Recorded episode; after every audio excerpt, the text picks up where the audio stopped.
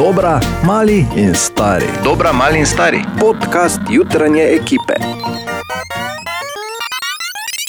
Pozdravljene, podcasterce in podcasterji. Potem, ko je prejšnji petek eh, Bor sam nekaj govoril, sploh nisem poslušal, ker sem kar preskočil na vsebine raje. Eh, naj vas pozdravim še enkrat več. To je bil še en taki teden, ko so se pojavljale take in drugačne novice, ko so se pojavljale take in drugačne omejitve, ko smo se začeli deliti na rdeče in oranžne.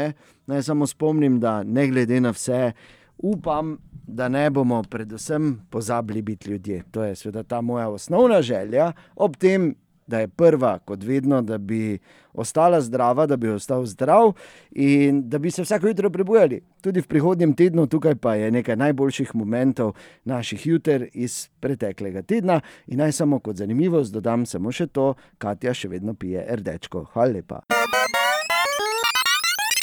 Želimo dobro jutro. Dobro jutro. In kot vsako jutro pozdravljamo naše superjunakinje in superjunake tam zunaj.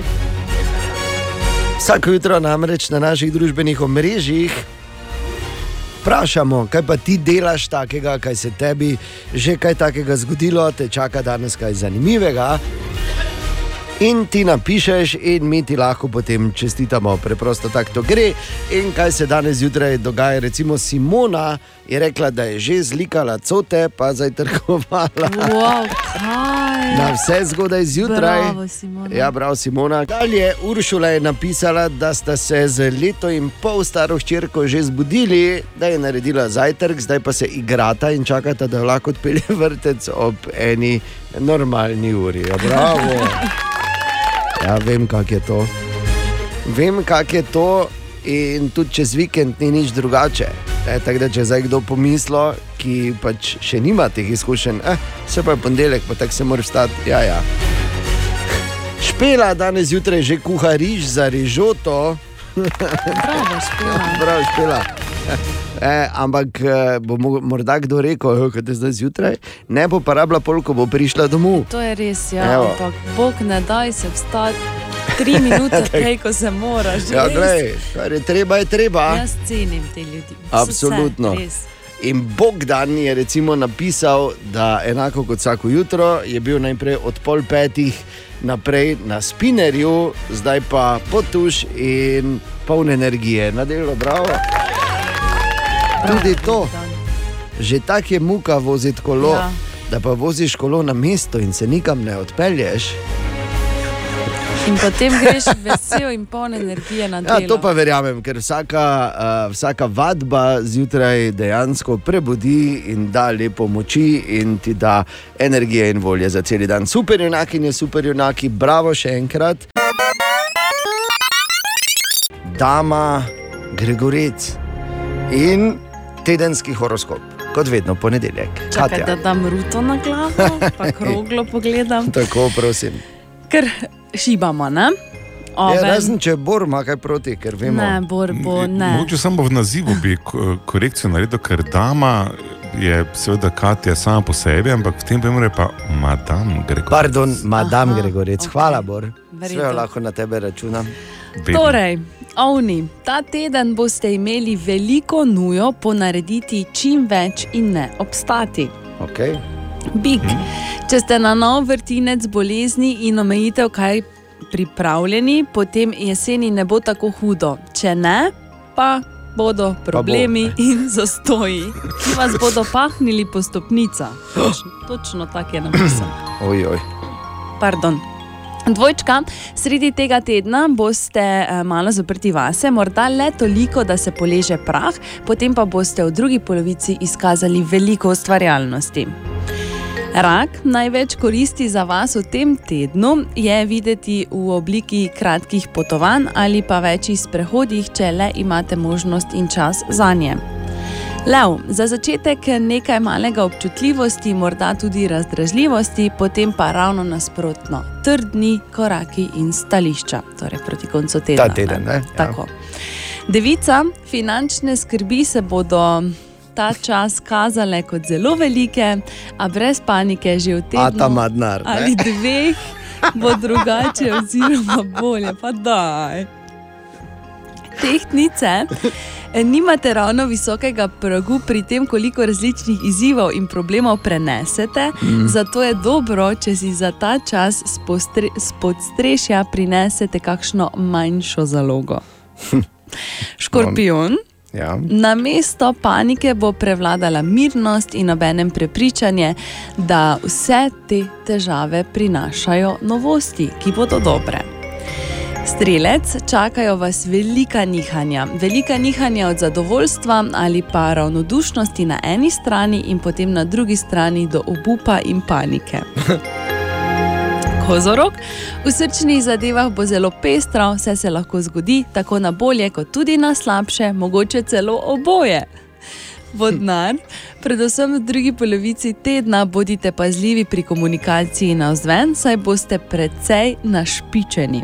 Opa.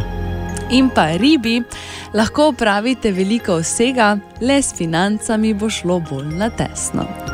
Halo, Že si ti atipična riba, bor ne? normalno. Če Imamo kaj, imamo E, pa ne? to je to. Ja, hvala, madam Gregorec. Ni problema z veseljem. Ena od treh, treh, treh. Jutranji sprehod po zgodovini popularne glasbe. In čez vikend, natančneje v soboto, je svoj 67. rojstni dan praznoval Midžur. In ker je Mič ne na zadnje v zadnjih nekaj letih tudi radijski kolega, oziroma že nekaj časa radijski kolega.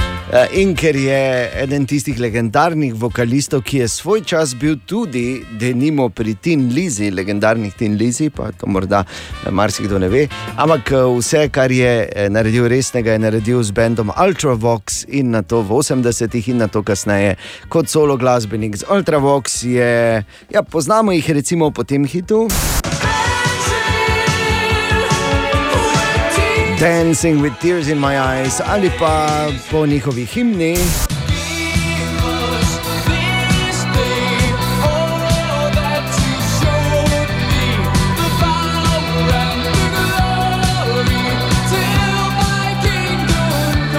Ali pa denimo po njihovem omažu avstrijski prestolnici.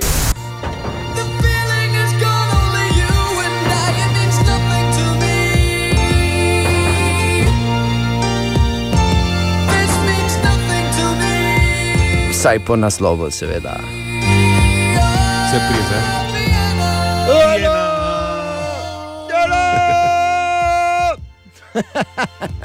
In ker je Mič praznoval, bomo seveda izkoristili priložnost, da ta hit tudi zavrtimo. Razen če imata vidva kaj. Ja, proti. ne, če smo se no, ne, ne, tako treba je skrbeti. Ne, ne, ne, ne. Sploh ni vprašanja. Ni, ne, ker tak, po, Ne. od njih tako povzemamo, smo se naučili. Soboto je bilo na športnem letališču v Skokah, eh, so bile predstavitve sekcij in dan odprtih vrat, in lahko se je letelo. In me zanima, kaj se boste šli učiti, Bor, jaz na tebe računam v padalski sekciji, tam da boš okrepil situacijo. Jaz sem uh, ekstenzivno izkušnje prav s podaljsko sekcijo in bi samo to ti povedal, da slučajno sem bil izjemno zadržan ta vikend. Res? In tako bo verjetno v povezavi skoke, l- padalstvo še kar nekaj let. Resno. Žal življenje. Oh. Hatja je drilica, mogoče ne, No, mislim, ne še. ne, ne. Okay. Samo veš, pol, ko greš, se reče ne skrajni, ampak zadnji čas. Ne, Joj, kaj te ne boš predolgo čakala. Okay. Čeprav nikoli ni prepozno za, za aviacijo, pa res. E, e, sicer pa smo seveda morali preveriti, ker zdaj reči, bilo je, ja, aha, v redu, Bor ni šel, Katja ni upala, ok. Ampak drugače pa je bil tam David, David, torej, kakšna je bila situacija na letališču v Skokah v soboto? Ja, ustavil sem par ljudi, par obiskovalcev in eh, ta dva sem ravno dobil, ko ste čakala še v vrsti, preden sta šla na letalo. Prišla smo sem v osnovi, da bi spet naredila za ultra lahko letalo. Pa smo pa videla, da še ponujajo letenje za kar poceni denar, no, tako da gremo malo okrog, malo po luftu pogledati, malo do tuje pa nazaj. Ja. In še gospod in pa njegov sin, ki sta ravno pristala. A meni je bilo super. Meni je bilo še posebej jadralno letalo, uh, res. Motorno malo bolj hrupno, jadralno je pa zakon. Zdaj pa šel za pilota. In za konec še eni profesionalci, ki so se ravno odpravljali, da bodo skočili s padalom. Super, so, komaj čakamo. Ja, zdaj že je malo več kot stokrat. ja. Malo več kot gre, vse pa te. Ja, to je, komaj čakamo, da se vrate odprejo. Ja, in torej, če imaš ti tam zunaj, torej, kako željo po letenju, po padalstvu, letalski center Maribor vabi nove ljudi. Ma super, ne pozabi, Bor si slišal tvoje, so intervjuvali tudi. Lepo. Lej, še enkrat, eh, da se ne bomo na robe razumeli, padalstvo je izjemen šport, tudi precej varen, zato ker pač ta zlaganja in to ne. Ampak gledajte, ni za vsakega, veste. bi samo še eno izkušnjo podelil s tabo, Katja. In Ja. ko smo prvič z Borom letela, ne, uh Mhm. -huh. je imel take kaki hlače. Ne, Okej. Take barve. Ja. Iz nekega takega materiala, hecnega, ki je ven stopil, v smislu, da si je. Da je vodo spustil, ampak da je dobro ciljal, ker je bil pod koleni, moker. Pa da. je pod koleni za švico. Ja, Ja, Spomniš bor tega? Se spomnim, zdaj imam nočne more. Pa daj nehaj. V vsakem primeru prekrasen šport je letalstvo. Najdi svoj najbližji, najbližje letališče, idi tja pogledat. Uh, v Mariboru Malo to sem velja pač- peljala, ful bom stabilno držal uh, krmilo. Bolemo pa. Ja, glej, bolemo, ja, glej, bolemo. No, uh, najdi svoje najbližje letališče v Mariboru, so to seveda skoke. Včeraj sem na 15 let na kratko. Ja? Ja. In sicer sem prebral, da bodo kro, pri pod Kroksu, oziroma podjetju, ki izdeluje Krokse, ja. izdali svojo kriptovaluto. Ja, Ta, takoj sem imel uh, moderacijo o tem, kako je še to šlo, kako kak tudi to več ne bo kul. Cool. Ampak uh, pol sem šel dalje brati, pa sem videl, da, da je bil oni kviz, katera od teh trditev ne drži. A, ja. Samo tako. Pač hočem povedati, da natančno preberite. To je samo to, bi bil recimo moj vademekum za ta ponedeljek. Še malo, pa noč čarovnic. Ki bo letos seveda pokvarjen zaradi korone, to je jasno, ampak naj vaju vprašam, ali praznujete Halloween? Ne. Uh, pa gledaj, tako ti bom rekel, ne? prelen, da bi se maskiral, pa itak prestar, da bi bombone dali na vratih, tako da ne. Ja, meni je tudi žal za letos, ne, ker bo pokvarjen kostum bo imel, ne, ker ga bo prekrivala maska. Veš, kako se reče mojemu kostumu? Kak? Kak? Obraz. O, Tine! Tine, dobro jutro. Dobro jutro. Zdravo. Dobro jutro. Pozdravljen, gledaj, kak je to vikend. Ne? Včeraj smo počivali, Tine, kak si lepo. Prečka stoji, vse štima. Če se kopal, ja. Ako? okay. sem v bazenu. Dobro, nič ne rečeš več reči. Ba, ba- Bade mantlijo, si šel, kot se reče. Bade Bade mantliju. mantliju. To je ta država. Lico sem kar kopalke imel, A, lepo. pa bersačo samo. No, super. Zdaj, če smo že šli v tej smeri, ne? pa ne super, da skril, ker sem zadnji prišel na ta vlak. Kakšne kopale, ki si imel?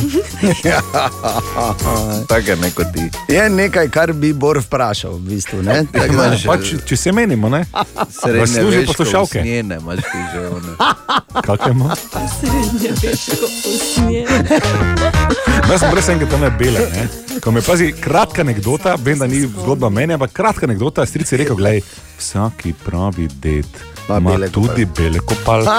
In jaz valjda na končni izgled bele kopalke. Povem, da sem bil atrakcija ne tako, kot bi jaz želel.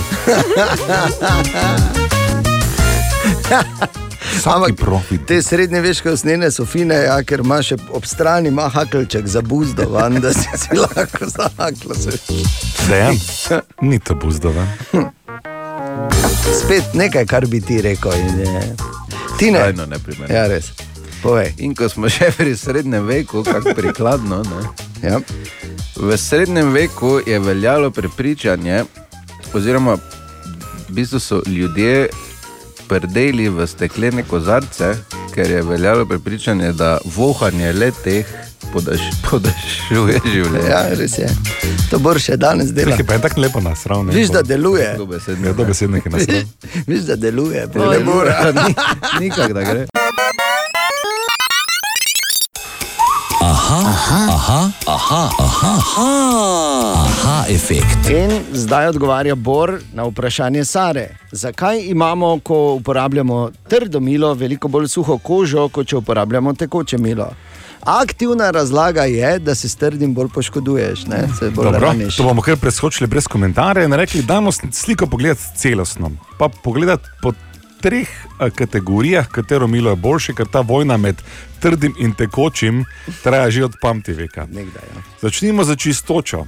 Uh, neodločeno. Enako milo v kosu in tekoče milo čistita, tako da tukaj ni nobenega jasnega zmagovalca. Uh -huh. Škodljivost okolju ali vprašanje trajnosti, trdo milo ima do 25 odstotkov manj ogličnega odtisa pri izdelavi kot tekoče milo. Če hočeš biti okoljski, hopa, tekoče milo, ne samo pri tudi pri uporabi. Ne. Milo v, Trdo ja, milo, ne milo. tekoče. Trdo, ne, Re- re- trdo milo ima manj, je, Ja. torej je Torej manj moraš- škodljivo, ima moraš- manj ogličnega odtisa. Ti si pa rekel, da naj tekoče torej uporabljajo. Ne, Ja, ja, nisem rekel, da je tako rekel. Sploh nisem rekel. Okej, rekel sem, torej da ima trdo. trdo. Še enkrat, škodljivost okolju, ja, trdo, ne tekoče. Okay. okej. Okay. In potem je še vprašanje kože in občutljivosti, nežnosti. Žal tukaj pa zmaga tekoče milo, zato ker milo v kosu ima višji pH faktor običajno, zato uh, zna kožo bistveno bolj izsušiti. Ja. Če imate občutljivo kožo, potem pa, pa če pozabi na okolje, pazi na kožo. Včasih Ja, so delali milo tudi direktno iz kitovega loja. Tako da kit je dober za čistočo, tako da če boš zdaj sredi oceana in boš imel ful srane roke, če pride mimo kit, ga zgrabi, pa si tako veš poribaj, malo z njim med rokami, tako boš čiste. Ali pa ne. Ali tudi vi pogosto totavate v temi? Aha efekt, da boste vedeli več. O, Matej Šoba, dobro jutro. Dobro jutro. Povej po pravici, ali si bil emotivno vznemirjen včeraj po dirki Formule 1 za veliko nagrado Eiffla, ko je uh, Mick Schumacher prinesel očetovo čelado v dar Luisu, ki je zenačil rekord po številu zmag. Absolutno. Mislim, eh, vseeno je to tak en menik, eh, ki se je Totalno. napovedoval, ampak ko se zgodi, pa je to vseeno nekoliko drugače. In Lewis Hamilton je tako postal pravzaprav največji, oziroma ob koncu sezone, ko bo verjetno nov uh, svetovni prvak, oziroma novi stari svetovni prvak, bo to še dodatno pod, podarjeno. Tako da Ja. ne, v največji tega športa že zdaj sodi, verjetno pa bo, uh, ko bo končal Bo največji, ne? kariero, tudi največji. Tako. Ja, ker je, kar je Uh, fenomenalno, hočem samo to povedati, uh, je, da veš, ko zdaj govorijo, eh, ne more biti največji, kaj pa Hunt, kaj pa Niki Lauda in tako dalje. Ampak to so bili drugi časi, druga tehnika. In če bi dal danes, recimo, uh, Hunta v, v, v to formulo, bi mu verjetno bilo slabo. Ko oni s 300 na uro bremzajo 50 metrov pred uh, ovinkom na 80, so Ja, po drugi strani pa vprašanje, kako bi Lewis Hamilton v Huntovi formuli deloval. ko bi- ne, ko bi koliko mogel krat bi zaneslo iz ovinka več. Ja, res je, ja. Okay, kaj si hotel povedati? Eh, Ne, čisto dobra tema, eh, mi je všeč ta tema, tako da kar ostane pri tej temi. In, Lepo, eh, ja, fajn je spremljati formulo, ker je tudi letos malo bolj razborljiva, kot je bila recimo v, še recimo pet let nazaj. In to je super gledati. Tudi ni nujno vedno, da Mercedes tako hitro pobegneta in potem dominirata skozi vso dirko. Tako da je res. Eh, Čisto uh, razborljiva postala ta formula, ki je vmes izgubila nekaj svoje, m, svojega čara, no, zdaj pa je spet to zelo Ja. zanimivo. Hamilton, uh, torej, uh, tam med največje, med eh, Schumacherja in vse ostale legende, Seno in ostale legende. Tako da, uh, kapo dol. Ja, ampak Juan se pa- Manuel Fangio in tako naprej. No, no, seveda. Ampak je pa ena druga zgodba, tudi odkar je formula v novih lasniških rokah, so uh, naredili tudi korak naprej, kar Eccleston recimo ni zmogel. Ne? In imajo tudi mnoge te nove PR prijeme. Eden od njih je tudi izjemna serija Drive to Survive, dve sezoni sta že mimo na Netflixu, uh, jo lahko vidiš, ko v bistvu snemajo celo sezono in potem naredijo serijo iz tega. Ne? In Evo, je zdaj, so super pogled v ozadje. Ja, tako. In zdaj, ko so dnevi krajši, eh, tisti temni del dneva pa vedno daljši, dober ja. na svet. Absolutno. In naj še samo to povem, če koga zanima, mi smo doma, Tim Ricciardo. No, res. Ja, pa ne zaradi Renoja, Bog ve, da zaradi, ne zaradi Renoja, ampak eh, zaradi Rikarda. Web, web, web, web check. Tako, dobro jutro. Dobro jutro. Zvoli, Katja. Dobili bomo nadaljevanje filma Borat in to že. slišal, Bor? si potegnil ven svoje kopalke? Ojoj. Modri močijo, pravijo. To, Krivi pa tudi. to nadaljevanje bomo dobili že 23. oktobra. Eh, takrat bo na voljo na Amazon Prime. Lepo. Lahko. Drugi teden, torej. Drugi teden, lahko si pa že ogledaš prvi trailer. Absolutno sem si ga. Si si ga? Tudi Ja, ja, jaz. hčerko ima. Zakaj ne? Ne, joj, ne, ne. Ja. Pardon, ampak ne. Če pa tako bizarno, da jaz pač uh, velik fan se, Saše Berona, uh, še od času, ko je bil Ali G v bistvu, ne? Ja, je velik, velik, velik fan. Moram reči, da je sicer ta, uh, to, ta TV serija oziroma reality show, ko Američanom na zelo, zelo bizaren način držijo gledalo, je morda uh, malo preveč tudi za mene, uh -huh. ampak Borat je pa Borat. Ne? ne. ne. Pa vsaka podobnost z našim Borom je seveda zgolj naključna. Naključna. Tako. Tako. Naredili so raziskavo in ugotovili 15 slabših voznikov v filmih, ki bi Oh. dobili največ kazenskih točk, če bi tako, žive, eh, tako vozili v realnem življenju. Uh, pri nas zgubiš vozniško, ne rabiš imeti ravno dosto točk, ne? Ne, mislim, 15 da je- ali 20, nekaj takega. Ne? Nekje tu je, ja, ne vem točno. No. Bor, ti si izgubil vozniško 18? zaradi točk 18. Mm, Koliko si jih imel? Nič kaj, ampak jaz, pa, ko sem bil malo mlajši, sem pa imel prepoved vožnje tri mesece. Ja, ne bi povedal, zakaj. Okay. Okay. Torej, začnemo na zadnjem mestu. Dobro. Michael Caine in njegova ekipa v filmu Italian Job. Ja. 7, 72 kazenskih točk. Bi dobil 72, enako bi jih dobila tudi Naomi Harris kot uh, Money Penny v Jamesu Bondu. Aha, ok. Potem Ansel Elgort v filmu Baby Driver, Ja. 75 kazenskih točk. Matt Damon kot uh, Jason Bourne, 80 kazenskih točk. Polje Roger Moore eh, kot James Bond. Jasno. Gremo čez 90, 91 kazenskih točk. In najslabši. In najslabši popolni zmagovalec je Ben Affleck kot Batman, 97 kazenskih točk. bi dobil. Kaj si ti? In pa eh, še 10 najbolj iskanih kostumov za noč čarovnic, torej na svetu najbolj iskanih eh, kostumov za letošnjo noč čarovnic. Tam, kjer pač eh, lahko to še praznujejo. Ne? Tako je, gremo od spodaj na zgor ali Ja, kako hočeš. Gremo, gremo Tak. kar na prvo mesto. Tako imaš ti rajši, tako naredi. Gremo na prvo mesto, zmagovalci so vseeno. Ne? Ja. Eh, Čarovnica, Tradicionalno letos, ne torej. tradicionalno, leto 2020. potem eh, na Kaj je drugem- fajn, to sem samo mislil reči, mnoge niti ne rabite zapustiti hiše. Nisem se počutila nagovorjeno. Lepo, lepo, lepo. Drugo mesto dinozaver, Eh, tretje Harley Quinn, potem gremo spet na te bolj um, seksi, bom rekla, no, ja. zajček. Vmes je. Samo malo gremo bolj na seksi, Ja, pa- zajček. Ja, pa no, pa Zajček. ženska je bila že v Oh, zajčka je oblečena, pa pa? je izgledala No, grozno. pa to so zajčice, ne? To je, Ja, Zajčice. to je drugo, ti si rekla To je drugo, zajček. ja. Oh, kak je velika noč, seksi praznik, ne kot No. tako. Uh, zajci, ful. Vse vemo, kaj mislim. Čuj, bil sem zadnjič, uh, imajo 20 zajcev. Puh, ti rečem, da je. Ok, pardon, Nad, nadaljuj. nadaljujemo s klovnom Uh, in potem angelčki Za Halloween, za Halloween, dobro, Fortnite, absolutno. hudič, ninja ja. in pa na zadnjem mestu, kar je kar žalostno, je Spider-Man. Bort, nisi mislil biti Spider-Man leto za Halloween? ne, dinozaver. Seksi zajček. Jaz bom pa zajec, veš, kako me bo gledala, Katja. To. Web check. ena od treh, treh, treh. Jutranji sprehod po zgodovini popularne glasbe.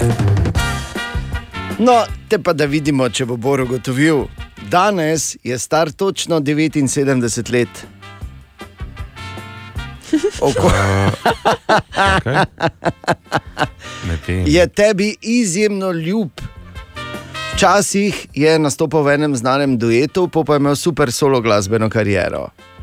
Uh, Paul Simon. Bravo, Borja, pa bravo! bravo! Samo šest namigov.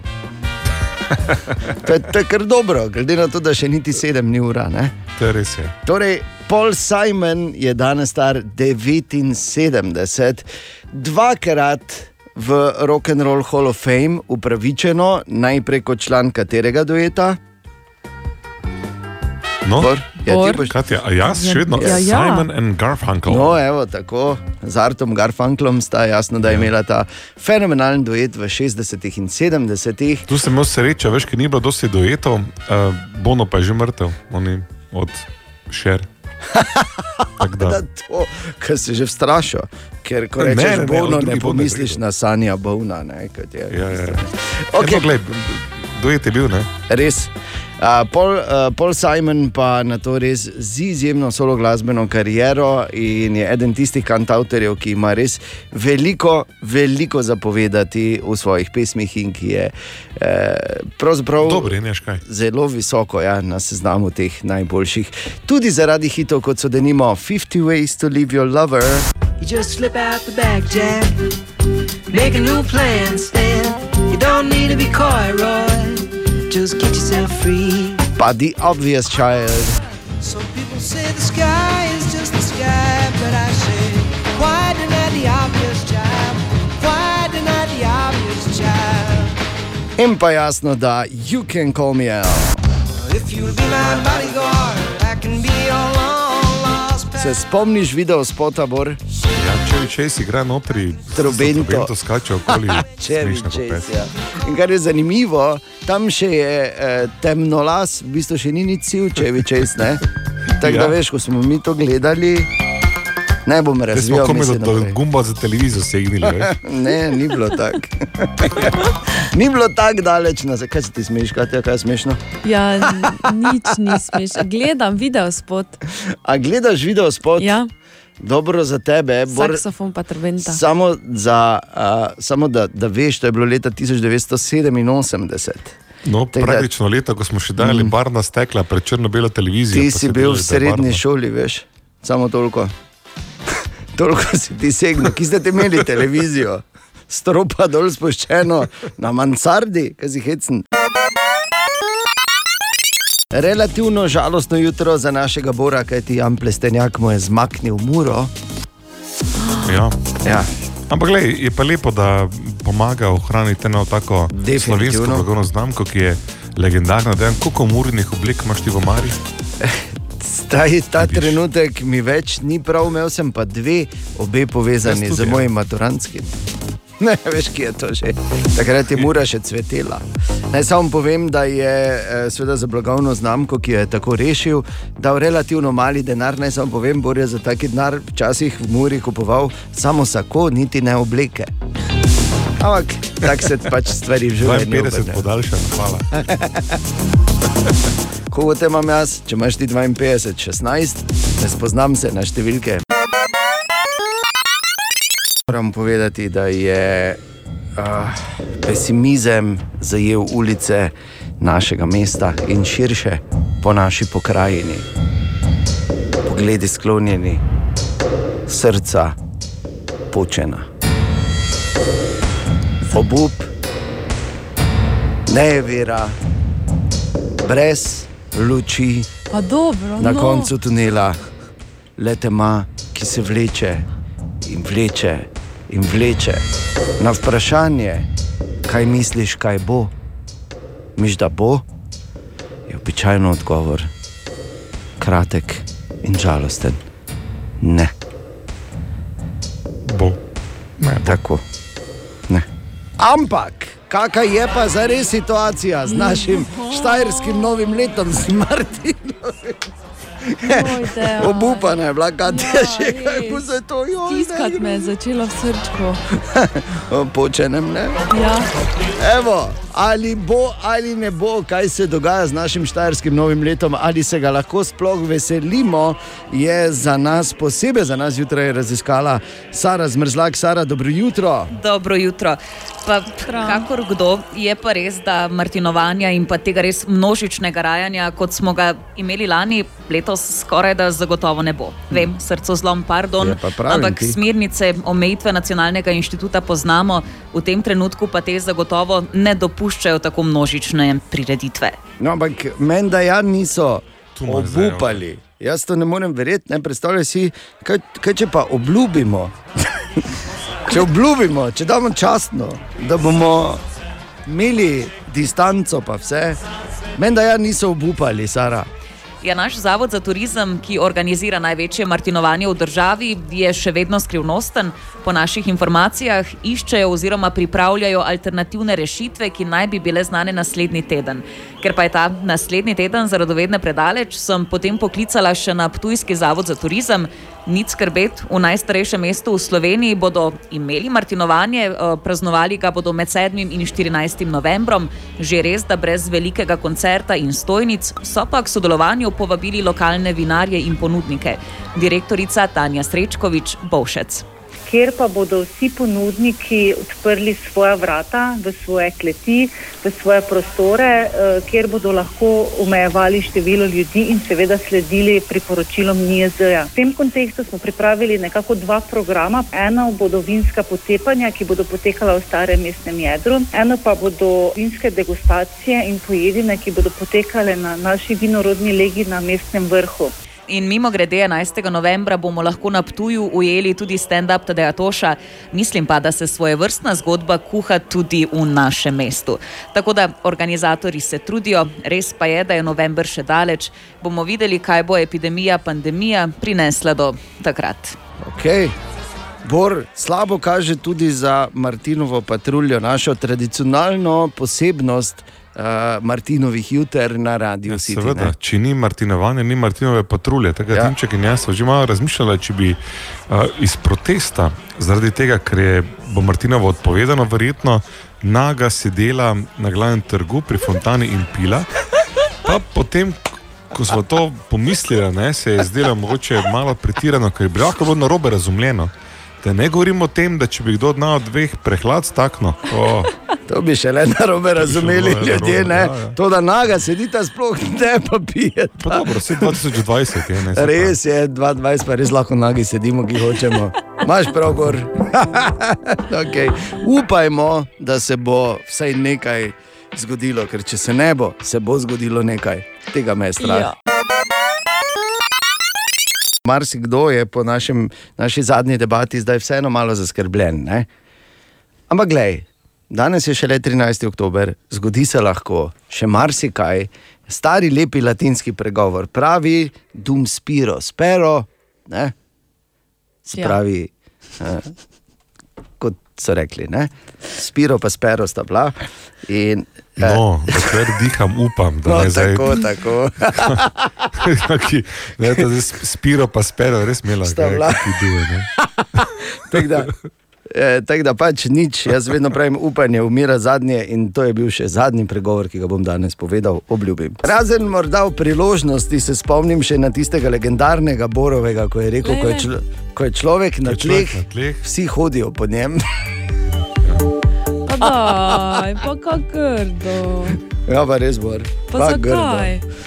Ja, Ja, ne, to v človeški naravi je to, ne? očitno To je grdost. smo še vedno toliko zveri, da ko ima eno ranjeno nogo, ja. ker je požremo, ko pa da bi ga vlekli s sabo.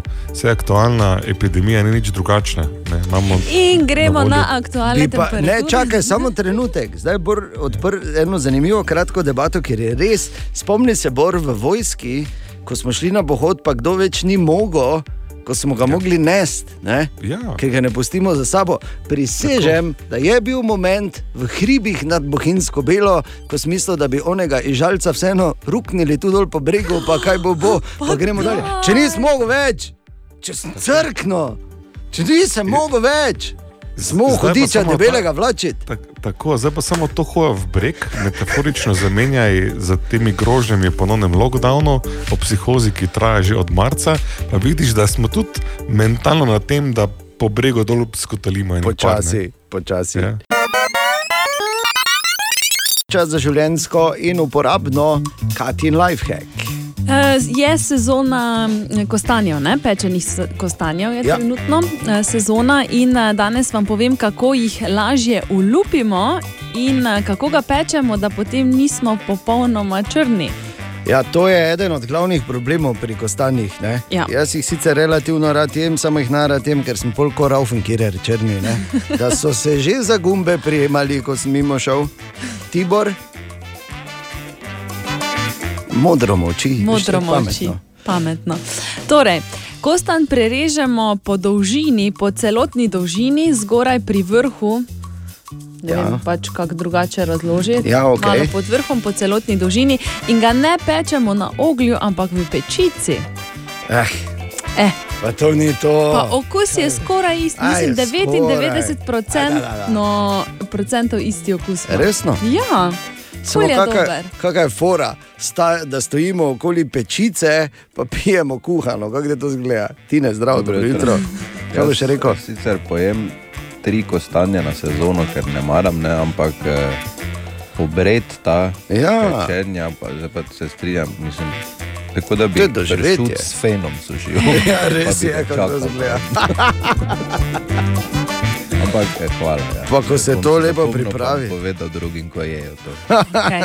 okay. Skratka, po celi dolžini gor, ja. Pa v pečici pečite vsi No, trije. sej tudi, če ga pečeš na oglju in ga prerežeš po celi dolžini, ga veliko lažje olupiš, tako da nisi potem tako črni, kot bi No. no. bil, če bi ga.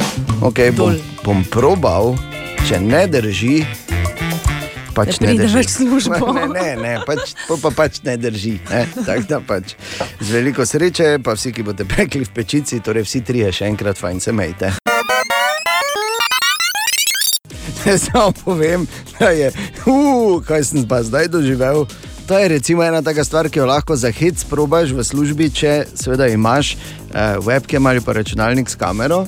Obstaja spletna stran hownormalmi.eu pisano skupaj, uh -huh. kjer imajo en poseben algoritem za prepoznavanje obraza, ki ti pove, kak normalen si. In jaz sem spustil program skozi, ta kamera me je gledala, algoritem je čital, vmes je nalagal algoritme za ljudi, ki imajo obraz eh, taki, kot da imajo radi torto, pa vse živo. Ja. Na koncu pa je napisalo, ok, something is clearly wrong. Pa daj! Čas bo za našo priložnostno rubriko. Kaj vse ne zabeležijo naše snemalne naprave? Torej, če kdo ni slišal, še enkrat, to je priložnostna rubrika. Kaj vse ne zabeležijo naše snemalne naprave? Pripravljeni? Ne. Velike zize imam. Velike zize imam. Je rekla Katja. Velike zize imam. Velike, velike, velike, velike zize imam. Velike, velike, velike zize, velike zize, velike zize, velike zize imam. Velike, zi, velike zize imam. Dobro, ne? Velike zize, velike zize imam. Ker kaj rabiš drugega v torek kot Velike zize. recimo, ne? Bor, je lepo, ne, kako ona to pove. Glej, raje tako kot pa Drugače, ne? Ja, res. Velike zize imam. Kaj sta končala? recimo. Jaz Naj samo se povem, ne. Ne, ne, naj samo povem, ne, da ne držim sape, da boste vidva kdarkoli odrasla. Ha, Ali pa imela velike zize. lepo je. Glavno, da si ti povedala. Velike zize imam. Hvala ti, Katja, za. Velike zize. Častimo tvoj račun. To je ta akcija, ko ti pošleš račun in ga mi častimo na račun na radio, cd.js, seveda. In tako je bil tokrat izžreban, oziroma je dobil priložnost, da pokliče nič 2, 290, 90, 90, Georg Kramberger in Georg. Žal ni poklical. Ojoj. Žal ni poklical. Se sprašujem, s čim si je Georg zaslužil takšne prijatelje. Da ga niso Samo res je. Da mu ne povejo, ko ga Georg je v Gorenju, v Murski soboti, kupil neko peč za 100,63 evra. Uh. In to bi mu mi z lahkoto in z veseljem povrnili, ampak žal ni poklical. Tako da, še enkrat, treba je poklicati, ker če ne pokličeš, vemo, ne. Pol ne častimo, kaj za, ja. za to bil taki hudi matematični Zdaj to zdaj ni grdo, ne? ampak analogija je ista. Glej, gremo ven, ne? Ja, če ne prideš, ne častimo. Je tako je. Preprosto. Ne? In to ni zdaj, ja, pa, pa drugim več ostalo. Ne, mi smo hoteli tebi častiti. Točno Ne, samo tebi. za tebe smo imeli na strani. Da. ja, Samo pač zdaj pa ni. Zdaj pa pač. Dejan, ker že situacija je taka, pa to je taki žalostni moment, bi lahko nas vse skupaj malo potolažil z eno Katino izjavo. Ne. Absolutno, ker to smo imeli že Pa pripravljeno. To je edina Veš, je stvar, pravi ki še nas lahko potolaži. Mi vidva Velike zize imam. Res je. Prava prijatelja. Tako da, Velike zize imam. Katja, to je edino še, kar nas reši. Mhm. Ti pa, če hočeš, da ti častimo račun, ga pošli na računov na radio cd.si in poslušaj in pokliči. In če prijatelj slišiš, da je prijatelj omenjen, javi mu. Ja, Prosim. prijatelji. Bi tudi ti rad, da plačamo tvoj račun? Pošlji ga na račun afnaradiocity.si in poslušaj Radio City. Web, web, web, web check. Kak bi lahko šli v nov dan, ne da bi preverili, kaj se piše, kaj je aktualno. Dobro jutro. Dobro jutro. Dobro jutro. Začenjamo z modno novico. Aha. In uh, sicer, če želiš letos jeseni biti šik, modna, bolj za ženske je to no. Si slišal, Bor? Ja. Potem Poslušam in si zapisujem. zagotovo ne smeš pozabiti na kamelji plašč. Kamelji. Ja. To Kamelji. so, tako se imenujejo. To so plašči, ki imajo barve kamele. A ja, ok. Torej, puščavske barve. Se pravi, ne iz kameljega usnja. Joj, ne, tega ne bi govoril. Ja, no, ne vem, zdaj. Ne, ne, ne, torej barva je. Okay, No, kamelji pa lepo, plašč. da poznamo še nekaj kamelija, ker doslej smo poznali samo camel toe ne, kot fenomen v modi. Ja, okay. No, torej ti se nosijo v vseh velikostih in oblikah, tako Res? da ne moreš zgrešiti. Okay, kamelji plašč, Tako. Hvala lepa. Na dražbi, uh, ki jo je organizirala knjižnica Hansons, Ja. so za kar 60 tisoč britanskih funtov, to je tam približno 66 tisoč evrov, prodali prvo izdajo knjige Harry Potter in kamen modrosti. A, Lepo. 66 tisoč evrov. ja, avtorica pa ima te dni malo težave. Ne? Ma kar mesece težave Mesece. Ja. Mesece težav, uh, potem ko je na enem talk showu, oziroma ko je imela pač enih par nerazumljenih, bi jaz rekel, vseeno, uh, izjav, ker dvomim, da nekdo, ki je lahko spisal tako zgodbo kot je Harry Potter, uh, je.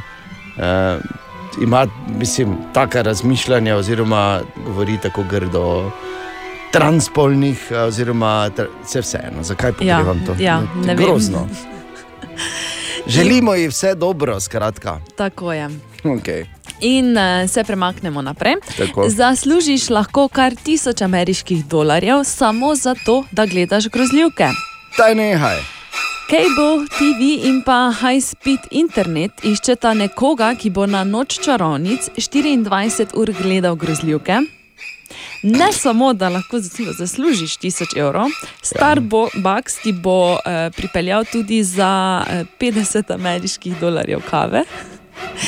Da pač v teh 24 Zdržiš, urah ne ne? boš zaspal, in pa na voljo bo tudi ogromna količina sladkarije. Sladkarije, ena bo samo. Sladkari, sladkari. Ena, ampak ful težka. Ena, ampak zelo Vseh velika. kotojev boš lahko lizal. In pa, no, torej, um, kakšni so pogoji? Star moraš biti nad 18 let in poslati moraš esej, zakaj si. A. ravno ti prava oseba za to delo. Pa ne rabiš biti nujno v Ameriki doma, ali moraš biti. Moraš biti. Ja, no, zakaj pa te govoriš? Ja. Pa nas dražiš. Ja, se pa lahko. Bor je že. Priredimo malo Ja, seveda. Si že žal zobe oprati, da bi lahko. Bor že ima na pol porabljenih totih tisoč dolarjev, kaj si hecna. Moraš je, vedno paziti, kaj obljubljaš. Glej, In že zapiram amazon.de, ker je danes Prime Day in bom še lažje. Bor, prosim, zapri. Ne moreš sodelovati, ne boš dobo tega Julija. Je. Okay? Če ga boš dobo, oziroma pod narekovaj dobo, ga boš dobo na svojem minusu. Tako da Tako se nehaj. igrati s finančnimi čustvi, kolega Katja, to je To je samo katastrofa, res. Res. res. Imam pa še eno novico za webček, to Ja? ja? pa bo na družbenih omrežjih. In jaz mislim, Bor, da ne rabiš biti uh, Albert Einstein, da ugotoviš odgovor na to zagonetko. In sicer Katja ima danes na glavi kapo. Le zakaj? V studiu. Le zakaj? Le zakaj? Koliko ima frizer? samo en odgovor. dajem. Ja. V meni je ženja trosi. Pa ne, Ja, no, glej. pa ni ratala frizura, pa kaj si, no, se- ne moreš se zanesti na njega. Webček.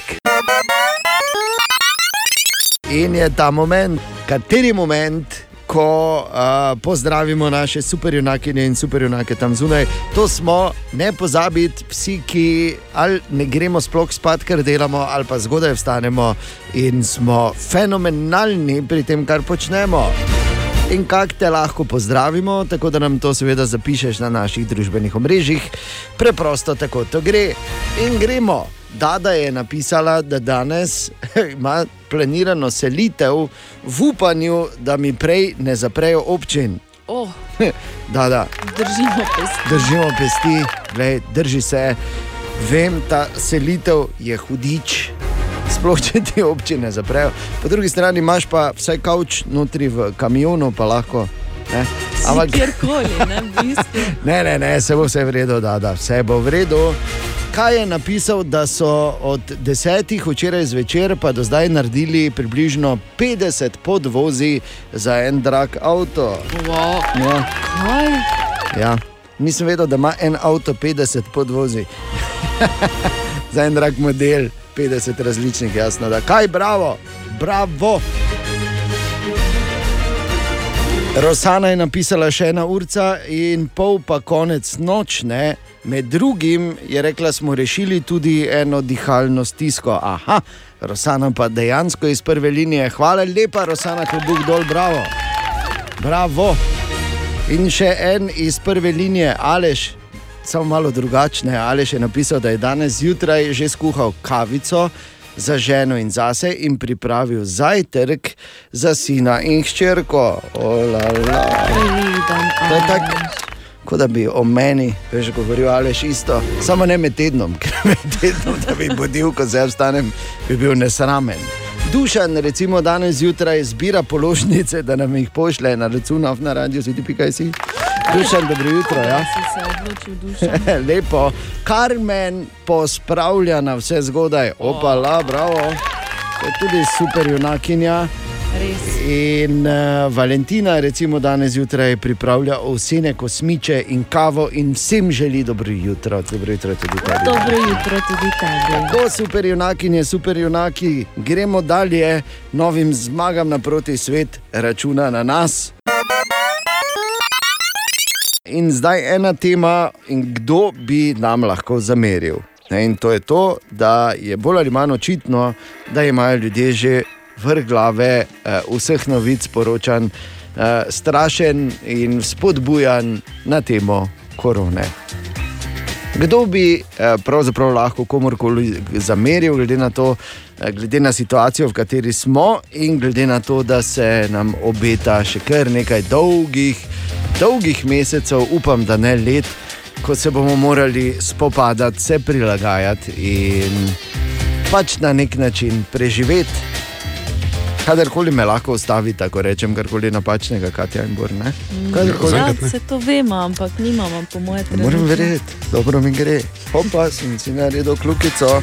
Ne, ampak eh, šalo na stran to, da so ljudje nezadovoljni ali pa da smo nezadovoljni, kakorkoli se da videti.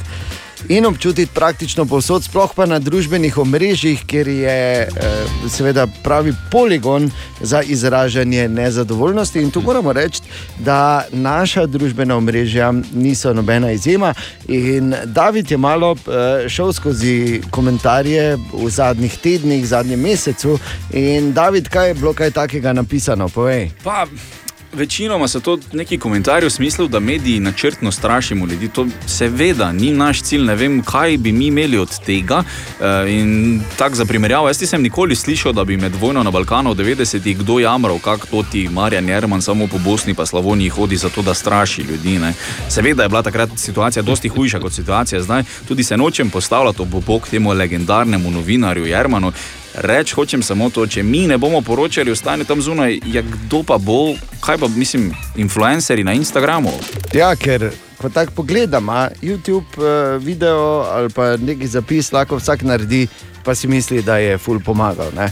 In no, da ne govorim samo jaz, sem poklical dejanskega strokovnjaka, magister Peter Čakš iz Ferija je povedal to. Ker sej nihče ne more za vse stvari v življenju vedeti, kako se bodo iztekle. Ne? Tako da tukaj treba čisto zdravo, razumsko in zdravo življenjsko pristopiti, pristopiti uh, k temu problemu. Strah je pa zagotovo prisoten zato, ker prinaša ta bolezen seboj negotovost in seveda to negotovost vsi, ki o njej poročajo, prenašajo naprej. Namreč težko vam kdorkoli karkoli danes zatrdi in nikakor ne more poslušalec, bralec, gledalec od medija pričakovati, da pa mu bo medij lahko nekaj zagotovil in ponudil rešitev, če tega ne morejo narediti niti strokovnjaki, ki so se za to šolali leta in leta. Ja, no, težko se je ne strinjati s takšnim mnenjem, negotovi časi so in uh, to se seveda prenaša od enega do drugega posameznika tudi preko nas, medijev. Seveda pa nikakor ni naš cilj, da bi strašili. Čeprav, ko pogledamo Borovo frizuro, nis, ne morem reči, da sem čiziher. No, pa, ostani, ostani pri resni temi. ne. Res, Ja. je, res je problem, ker hitro, samo zato, ker poročamo in poskušamo biti verodostojni, pokasiramo pač, ker smo na dosegu roke, ta gnev, ki se nekaj mora, mora izliti, drugače bomo Ja. eksplodirali vsi. Pa se pravi, boljše, boljše tam, kot eh, kjerkoli drugje v realnem življenju. Čeprav nas to pripelje tudi do naslednjega problema, da je za mnoge življenje na družbenih omrežjih realno življenje. E, Predvsem ostani zdrav, ohrani zdravo pamet, koliko je možno v teh težkih časih, polnih izzivov. Mi smo tu zate. Ena od treh, treh, treh. Jutranji sprehod po zgodovini popularne glasbe. In danes je 14. oktober na otoku v Veliki Britaniji, oziroma v Angliji, je danes poseben dan, kajti 80. rojstni dan praznuje Cliff Richard. Oh. Au. Au. to je ta običajna, običajni. To je res eh, okrogla obletnica Lepa, ne? glasbenika. Lepa, Ja. lepa. Uh, ali sta vedela, prvi v bistvu uh, roker, na nek način roker, jaz ko rečem njemu roker, ko Ja. berem, jaz sicer kozlam samo, ki je bil povišen viteza in postal ser. Prvi. Wow. Ja, Cliff Richard, ki je v svojem življenju naredil ogromno uh, zanimivega, pravijo tudi ogromno zanimivega. Mhm. Njegova cifra naj bi bila izjemno, izjemno visoka. Tako bom rekel, kar nekaj pasov bi mogel dati enega za drugim v linijo, da bi lahko vse te luknje not vdaro. Ne? Med drugim pa je zavrnil pred leti fotografiranje z Elvisom, ker je rekel, da je enostavno predebeli Elvis. Da bi se on zraven njega slikal, s kom, s. Pa da. Eno tako je naredil. In za sebe je vedno trdil, da je on najbolj radikalna rock'n'roll zvezda. Mogoče, ampak Richard. ja, definitivno ne po muziki. Ki pa Človek, je. ki poje mislev en one. Ja, človek, ki poje, recimo. Some people are born for each other,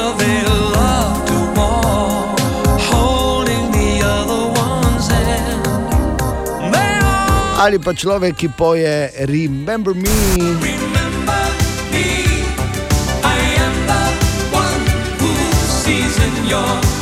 Ali We Don't Talk Anymore. So we don't talk. Ali pa kot je rekel Bor, najbolj radikalno od radikalnih.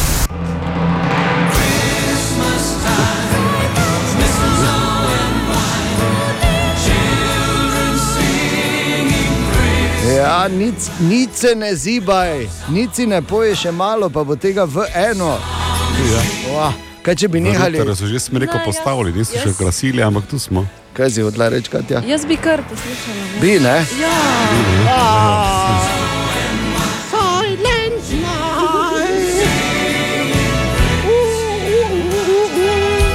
Krasno, kaj če ne bi več toliko te radikalne muzike tako zgodaj zjutraj vrteli, ker jaz, jaz ne morem več, koliko radikalnih komadov.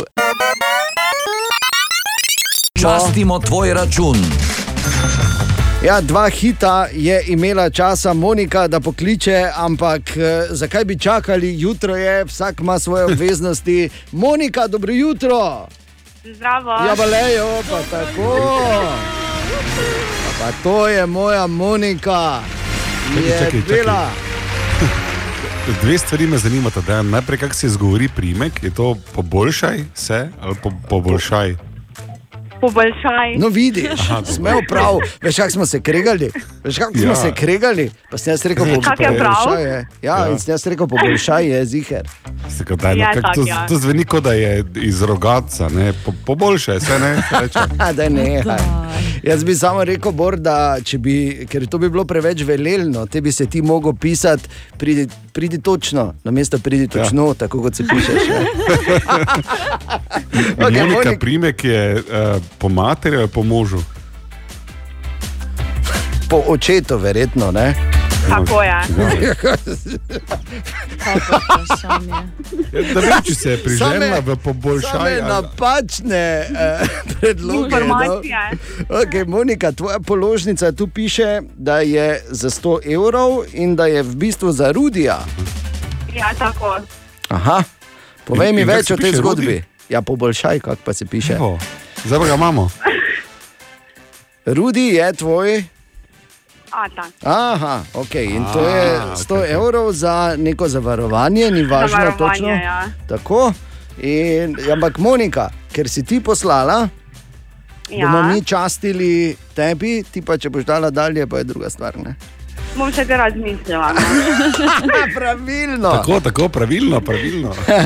Monika, ka povej, uh, kak so kaj ti dnevi zate zdaj, ko se spet, kot kaže, malo zaostruje. Hm? Ja, nič ni kaj ravno prijetno, ampak upamo, da bo šlo skozi. Ne? Glej, ja, zagotovo bo. In ne samo to, da bomo šli zdravi in da bomo zmagali, da bomo imeli mogoče kako kilo več, samo veš, kako bomo lepi, Monika. Mi dva sploh. Vse bomo skurli. Vse bomo skurili, brez skrbi. Monika, krasen dan ti želimo, častimo tvoj račun in eh, lepo se imej, ostani zdrava. Enako, hvala. Pozdravi nam, Rudija. Ok, adijo, Poboljšaj se. Monika. Bi tudi ti rad, da plačamo tvoj račun? Pošlji ga na račun afna radio city.si in poslušaj Radio City. O, Tine! Tine, dobro jutro. Dobro jutro. Dobro Oziroma jutro. time, kot je Gaden, da ne spomnil. Ja, pa se zgodi. Stari murski vuk time. Murski vuk. Murski, sobote. Morski. Kaj si Tine? Ko je dan zgojno. Imaš gezer v denornici. Z gezerom v narnici bi bili dobri prijatelji. Vse, kar imam, sta dve bilici. Bravo. Ja, ja, bilice. Ja, ja. Idemo gejsti. Ok, moram pa še koliko te bilice. eh? Gejste, gejst. Te pa gejst, no, pardon. Kaj pa zdi Bor? no. Koliko je bilica? Če ne vem, kaj da imeli Premeru- gezer Jurija, ampak. Premeru ali Jajca je, belica je, jajca. Ja, zakaj ima pa dve jajci v narnici? Oh, moj bog. Ne, ne samo razložim, dve jajci v mošnji, ki je tudi v bistvu na nek način Denarnica. sinonim za denar, se vseeno. Tine, kaj imamo danes? Dušan, dušan. Dušan, slabo, slabo. Ja. Dušan Grajner. Sumim, da pride še eno ime k eh, tvojemu že tako dolgemu imenu v mojem telefonu, veš, Grajner. Kak imamo zdaj, čakaj, samo malo. Čakaj, jaz moram zdaj, pa ne vem. Ne. Ja. Problem je, veš, koga moram pol poklicati, pa ne ne, pa veš, ne ne. vem sploh, kaj moram vpisati. No. Okej. Čakaj. Kdo Ne bo vem. prvi, ti ali jaz? Ti, da je prvi. Uh. E, okay. huh. Samo malo. Pa jaz imam Bora v telefonu pod Emilijan Slavuj Galep, Kung Fu Panda, Žalbi in ponovem Dušan. Jaz pa skupaj z Dušanom, zdaj bom kar prav, jaz pa imam Maroko, Onan, Anus, Dušan, Grajner. Noben nima daljših imen v telefonu za tebe kot mi dva s Tinetom. Res je, Veš, kaj kaj, še, še za tebe malo Brazil- zdaj, ko, si kar male pri meni, ne? Dejan Vinka, Vedlin, Mohor, Blumen, Junge, Bena Bobi. Se vidiš, ne? Kaj? Ja. Vse ne vem, naj Kaj pa imam jaz črtami Dejana? se znama sploh. Čekaj samo, da vem, kam imam jaz. Zdenko, Furbi, Vedlin. Furbi. Furbi, Zakaj veš, ti oni. furbi? Ja, furbi so bili oni mali, veš, ko, ko, ko na pol živijo, pa ga moraš hraniti. Pa so včasih. taki kosmati. Furbi. Ok, lav, premaknemo se prosim k bistvenemu. Hvala lepa. E, vemo, kdo je, seveda, zagotovo ne vemo, mogoče dejan ve. Ne. Pač, eh, kdo je Veronika Zajder? Ne. Veronika Zajder je ženska upisana v Guinnessovo knjigo rekordov in eh, bi naj imela najboljši vid na svetu. Wow. Vidi 20krat boljše kot mi, poprečneži. Uh -huh. Uh, vidi tako dobro, da prepozna človeka na 1,6 km. Kaj? Ja. Skozi hribe in stavbe in vse. Ja, dva teleskopa, velika ima v okah. Na kilometr pa pol. Tako zgleda. Ja. Kaj, kdo pa ima tam, gled dva teles, a ja ne, Veronika. Je. No in zdaj. Drage dame, spoštovani gospodje, prijateljice, prijatelji, tukaj je mednarodni sodnik, že 25 let, 20 let sodi Euroligo, štirikrat sodil Final Four Eurolige, dvakrat tudi finalno tekmo, na zadnje v Madridu leta 2015. In kar je še pomembneje, morda ta trenutek eden redkih mariborčanov, ki sploh še potuje po svetu. Saša Pukl, dobro jutro. Uh, dobro jutro, lepo zdrav. Dobro jutro. Dobro jutro. Aga. Saša, kje si ta trenutek? V Madridu, ne? Ah, Ta ti, Saša? trenutek sem v 15. nadstropju hotelske sobe, hotela Ate Cusco, kot lepo temu reče. To je sredi Madrida, kjer je zunaj, da sem ravno kar zavese razgrnil še tema. Kak je dan danes potovati z letalom in nasplošno? Ja, potovanje je malo bolj drugačno, kot je bilo pred, še pred pol leta. Uh, torej, da začnem z svetle plati. Uh, letališča so krepko bolj prazna, letala so odvisna, na kateri liniji letiš, ampak uh, nekatera tudi krepko bolj prazna. Sem pa tudi že doživel pred dvema tednoma, da je bilo letalo tudi nabito polno. Zato, ker je seveda dan danes. Uh, Dosti manj letalskih linij, letalskih povezav, ne, seveda, dosti manj ljudi leti. Ja. Sašo, um, tvoje življenje pravzaprav je v zadnjih letih bilo življenje iz letala v hotel, bolj malo doma. Kak je na ta način imeti kariero? Uh, ja, mislim, da se razumemo. Jaz živim na ta način 7-8 mesecev, 3-4 mesece, potem sem doma. Tako da pač živiš uh, življenje v dveh različnih ritim, ritmih. Ta prvi je tako, pač sem doma 2 do 3 dni na teden, vmes pa ponovadi dvakrat kamor potujem. Pa pol tisti čas, ko sem doma in uh, sem več z ženo in otroki. Bi pa samo še eno. Vprašaj, kako mu je, kak mu je v teh letih laufati po igrišču? pa tekmo? nehaj, no pa kam človeka, to Ja, se ti strinjam, vprašaj. Nehaj z, z, v teh letih. Res je, mislim, kam si napadel? Posledica korone je ta, da sem pripravljen kot že dolgo, ne, da ne bi rekel, Evo. nikoli. Tako da mm, forma je odlična in uh, z lahkoto tečem po igrišču. Ker si seveda sodel tudi na olimpijskih igrah in vemo, ko uh, je človek oziroma športnik na olimpijskih igrah, je eno od glavnih doživeti tudi bivanje v olimpijski vasi. Uh, kaj zgodbe, ki sem jih jaz slišal od tam že. In me zanima, ali imate tudi sodniki svojo olimpijsko vas uh, na olimpijskih igrah. Uh, zdaj moram zelo skoncentrirano odgovoriti na to vprašanje. Torej, nažalost, sodniki nismo v olimpijski vasi. Ne. Uh, torej, moja povezava z olimpijsko vasjo so bile samo kakšne zgodbice, sem tudi kako vročo zgodbice z olimpijske vasi slišal. Tako, tako. Sodniki pa, sodniki pa, smo, bi, sodniki pa smo bivali v uh, hotelih, pač ra, različnih hotelih. Zdaj sem se ravno spomnil, da uh, ne vem zakaj, ampak košarkarski smo bili v takem z tremi pa pol zvezdicami, tako da sem pol kole, ju, kolega, uh, ki je bil sodnik na judo turnirju, torej Franc Očko, je sodel judo olimpijado, on mi je rihtal, da sem se v njegov hotel prešvercal, pa sem šel fitness malo noter. To so moji spomini na bivanje v Londonu. Eh, Na olimpijskih igrah. Ja, okay, no, ampak, Na olimpijskih igrah.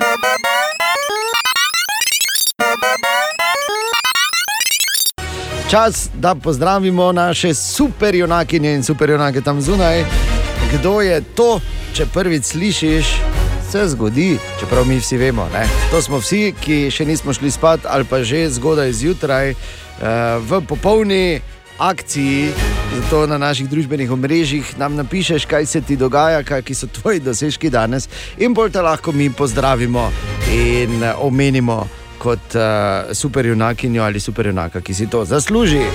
In prvi pazi, Nikola je napisal, ob 2:49 minut uspel postati oče malemu Teodorju. Ja, bravo! bravo ja, čestitke in mali Teodor, dobrodošel.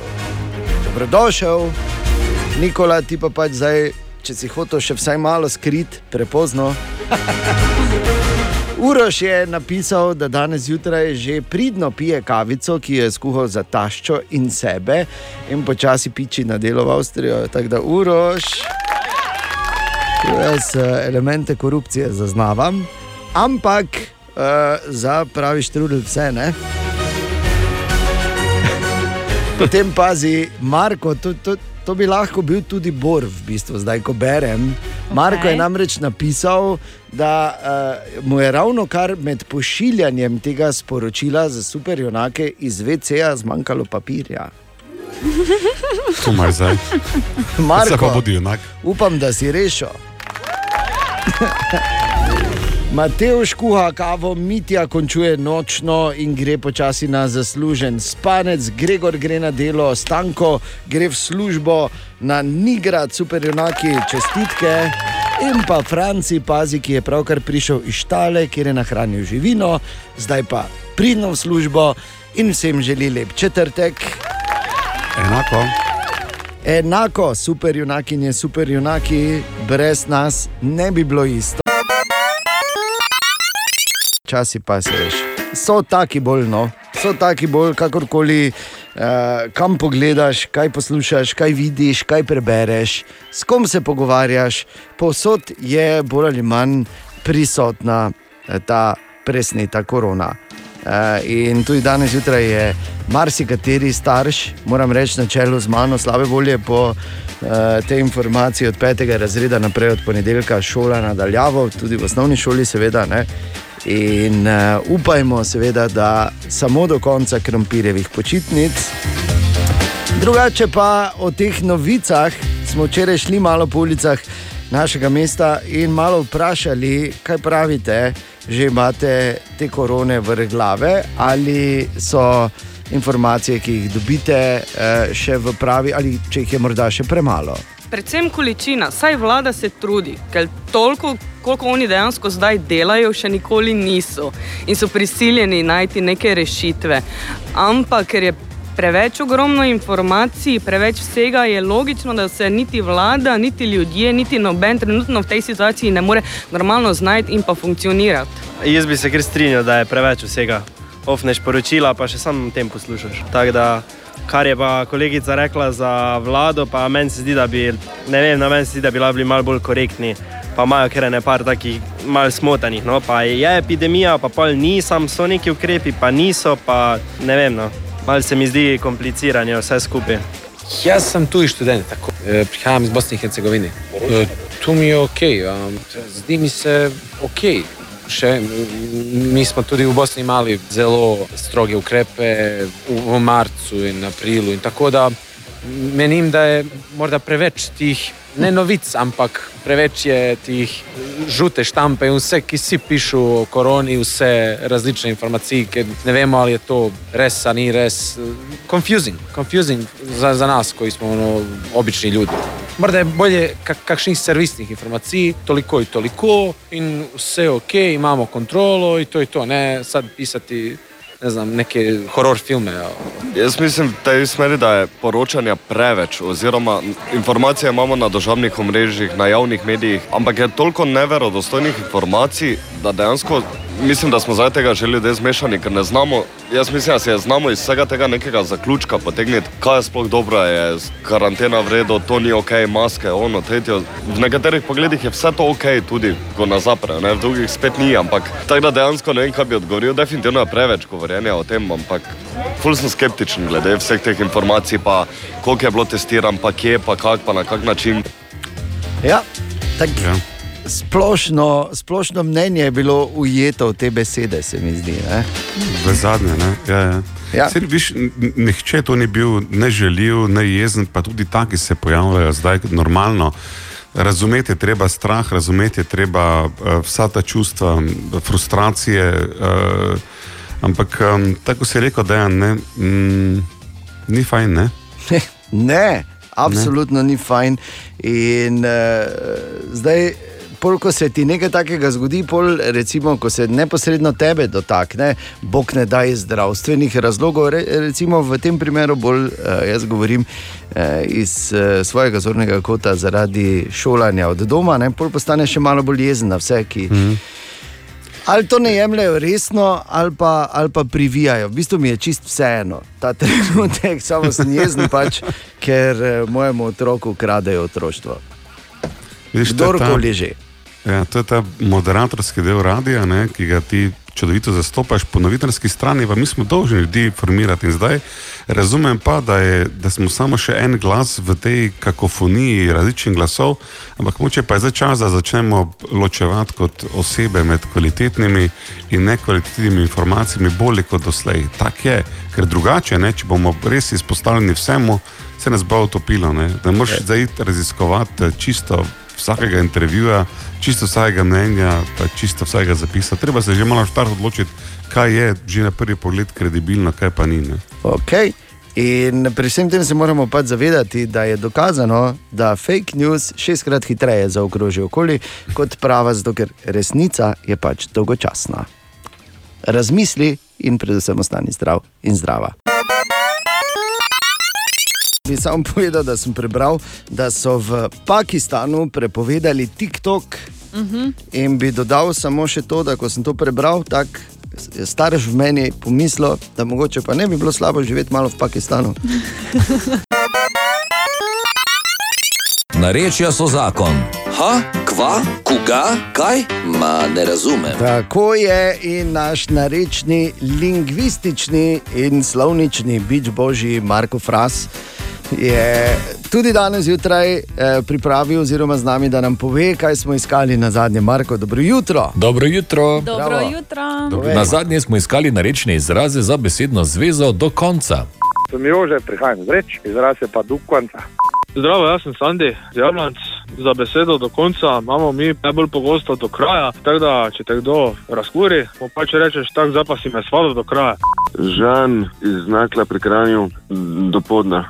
In še nekaj izrazov do izliva, full treffer, do podna, do daske, do nafte, do kraja, do amena, do kunca, do plafona, keko gre, do jaja, do fundoša, do fundamenta, pune hamre, do konca, do kraja in tako naprej. V tem tednu pa iščemo narečne izraze za tlačenko. Kaj pravite vi trije? Zura, žlajder mašin in žnegerl.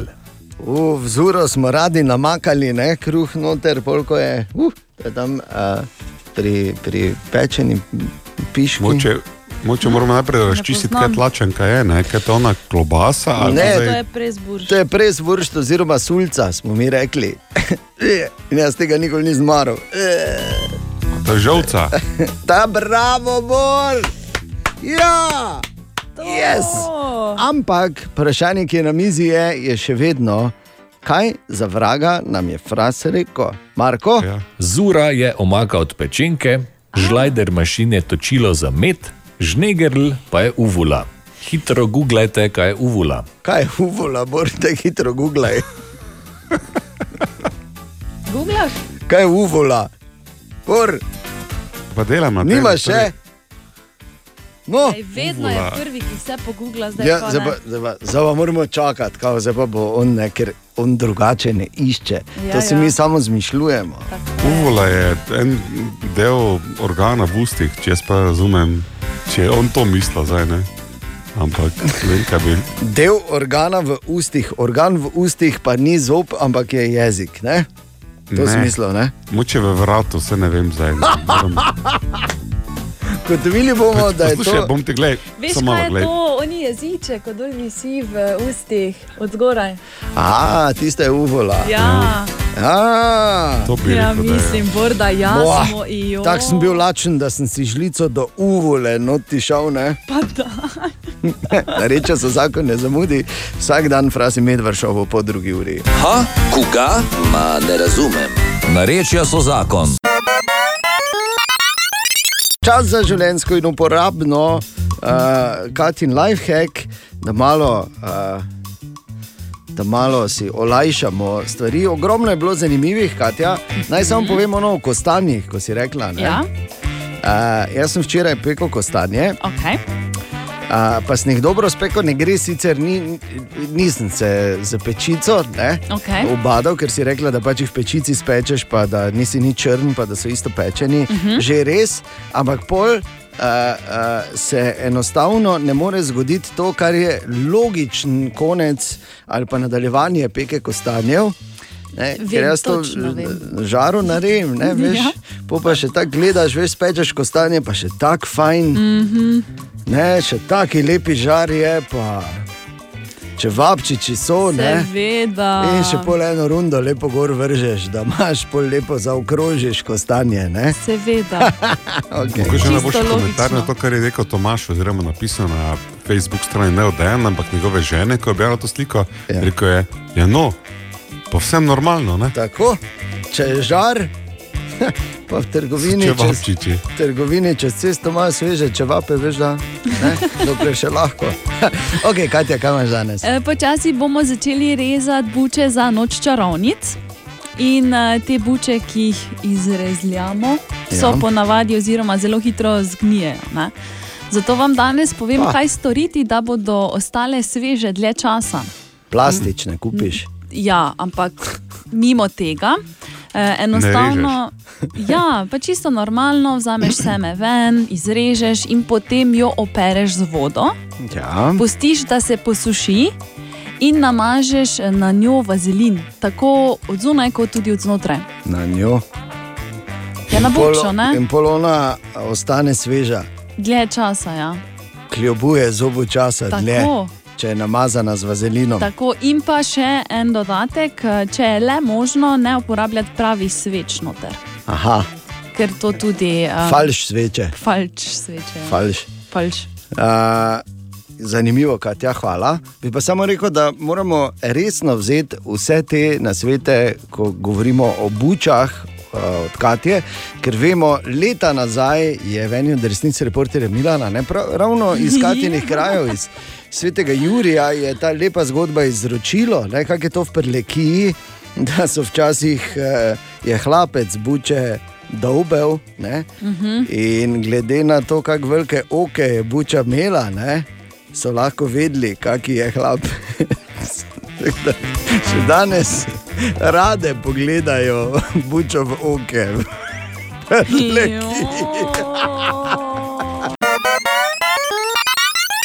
Tako nam je spet v posebno čast in veselje, da lahko pozdravimo našega posebnega poročevalca na temo korone in eh, tega, ki mu na to temo tudi najbolj verjamemo v našem mestu, profesor dr. Vojko Flis. Dobro jutro. Dobro jutro, dobro jutro vsem poslušalkam in poslušalcem vašega radia in seveda tako kot vedno dobro jutro tudi ekipi Radia City. Zdaj, kaj, kaj je dobrega v tem jutru, bi se lahko vprašali. Oziroma, z drugimi besedami, kakšno je aktualno stanje? Tako.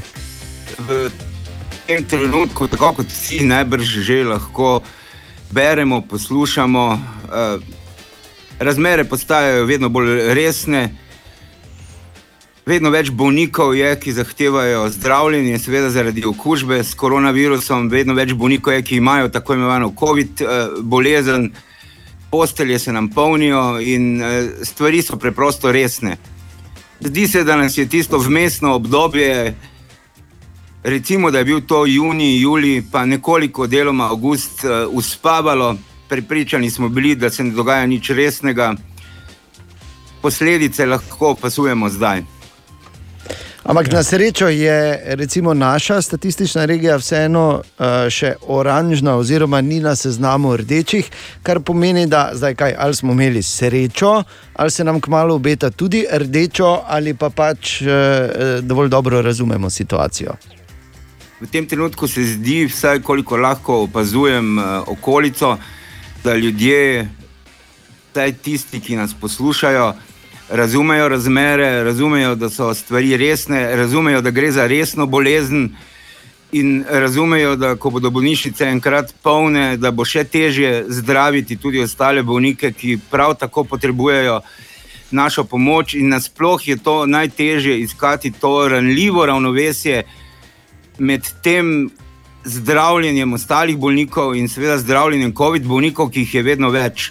To je pravzaprav najtežje. Najtežje je, če smem sploh temu tako reči, krmariti med to Scilo in Karibdo. Hmm. Ja, absolutno. Zato, ker nekaj pa smo se naučili iz prvega lockdowna in to je, da ko se življenje družbeno posem ustavi, je tudi potem pritisk na psiho in gospodarska škoda neizmerna. Tako da zdaj sovražnika malo boljše poznamo ne? in tudi lahko nekatere bolj fine stvari počnemo v družbi in v bolnišnici, domnevam. No, zdaj sovražniki smo sami sebi. res, ja. Eh, Virus ni sovražnik, vedeti moramo, da še enkrat v sebi nosimo skoraj 4 kg pa pol mikrobov in da s temi mikrobi živimo, odkar pač vemo za življenje na tem planetu. Tako da sovražnik ni virus. Boriti se moramo s svojimi strahovi, s svojimi stiskami.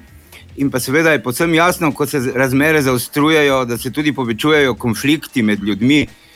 Ta mm. strah pač povzroča iracionalne spore, ki jih je včasih zelo težko gladiti, in zdi se, da je to zdaj v tem trenutku postalo najtežje. A, Ko tako pogledamo, je pravzaprav posod po svetu vse te stvari rastejo, ampak če primerjamo številke, ki jih pač imamo na razpolago, je Slovenija glede na milijon tudi v zelo resni situaciji. Po drugi strani pa beremo, da recimo cepivo, na katerega se je največ stavilo, da je ustavljena ta tretja faza testiranja. Kako daleč smo tukaj? No, cepiv je več vrst, eh, zdaj sem jih ravno tukaj naštel, vsaj 20 različnih vrst cepiv je v različnih obdobjih testiranja. Ustavljena je tretja faza pri dveh vrstah eh, cepiv, da se ne spuščam v podrobnosti, ja. razen če me ne bosta vprašala, seveda. Medtem, eh, ko eh, največ obeta v tem trenutku cepivo ene izmed eh, nemških tovarn, ki je v tretji fazi testiranja in pričakujejo, glede na to, da ni veliko sopojavov, da bi se lahko pojavilo na tržišču že konec oktobra, to je zelo hitro, to se reče 14 dni, medtem ko za ostala cepiva nekje predvidevajo, da bi lahko bila eh, pripuščena, če smem temu tako reči. V začetku leta 2021, pri tem pa je potrebno vedeti, da imamo zanesljive podatke, seveda, da na kitajskem cepijo z dvema vrstama svojih cepiv, konceptualno sta drugačna. Tudi v Rusiji se je konceptualno pojavilo že drugo cepivo, poleg tistega prvega, ki so ga najavili, in tudi Rusi že cepijo, predvsem, seveda, vojsko. Pojavljajo se podatki, da tudi američani že cepijo svoje eh, vojake, tako da eh, zanesljivo nekaj cepiv imamo. Tisto, kar je pa, če smem temu tako reči, za lajčno javnost bolj pomembno od vsega tega, je pa to, da cepivo, ki ga pričakujemo, mora biti varno in zanesljivo. Če cepivo ne bo varno, potem bo seveda to olje na ogenj tistih, ki cepljenju nasprotujejo. In to bi bilo najslabše. To se pravi, pričakujemo varno in zanesljivo cepivo. In zdi se, da so v tem trenutku najdlje s tem, da dosežejo registracijo. Uh, nekatere nemške tovarne v povezavi, seveda, z nekaterimi molekularnimi laboratoriji. Mm, Razumljivo, ker zdi se mi, da ko, ko razmišljam malo o tej krizi, eh, ni to prva pandemija ali pa epidemija takih razsežnosti, ki jo človeštvo ima, ampak vedno znova, ko se eh, to zgodi, se pokaže vsa ta um, ranljivost naše strukture v smislu, da lepo je, da imamo različna mnenja, narava nas tako divergentno razvija, hkrati pa je to velik problem v takih situacijah, zato ker zelo težko se poenotimo okoli ene rešitve. Zato ker ena zanimiva študija, profesor Švic kaže, eh, 250 tisoč matematičnih modelov so analizirali in ugotovili, da katerakoli od teh osnovnih rešitev v družbi, maske, distanciranje, bi delovala eh, dovolj dobro sama po sebi, če bi se jo le držala velika večina. Vem, ampak tega ne bomo nikoli eh, dosegli. Če pogledamo, problem, ja. pogledamo pandemije, ki so bile v preteklosti, vedno se najde, če že govorimo o odstotkih, 15 do 20 odstotkov ljudi, ki razmišljajo, bom rekel, zelo radikalno v neko drugo smer, pojavljajo se čudodelci, pojavljajo se lažni preroki. Pojavljajo se tisti, ki so bolj pametni od najbolj pametnih, pojavljajo se tisti, ki ne zaupajo znanosti, ki ne zaupajo znanstvenikom. Skratka, to se vedno in vedno uh, znova dogaja. Ampak potrebno je povedati nekaj drugega. Če že nikomur ne verjamemo, moramo vedeti, ne, da smo kot družba povezani z zelo, zelo ranljivimi nitkami in te nitke se lahko hitro strgajo. In če že ne verjamemo nikomur, potem vsaj zaščitimo sebe, zato da bomo zaščitili ranljive skupine in te ranljive nitke, ki nas kot družbo tkejo. Če bo prišlo do razpada, ne bo prišlo do razpada zdravstvenega sistema, ampak bo to pomenilo kolaps družbe, kolaps naših odnosov, ker se bomo zgrizli med seboj, ravno zaradi tega, ker ne verjamemo več eh, ničemer.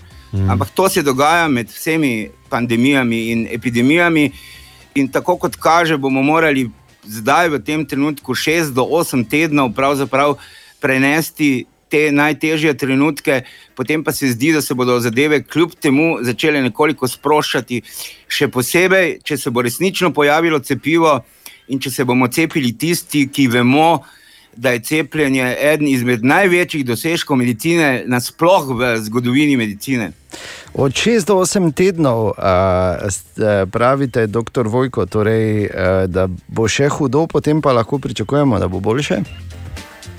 6 do 8 tednov pričakujemo, da bo število bolnih še naraščalo, potem pa tako kot kažejo krivulje, recimo gledamo Češko, gledamo Izrael, kjer so stvari mnogo hujše kot so uh, pri nas, gledamo, kaj se tam dogaja.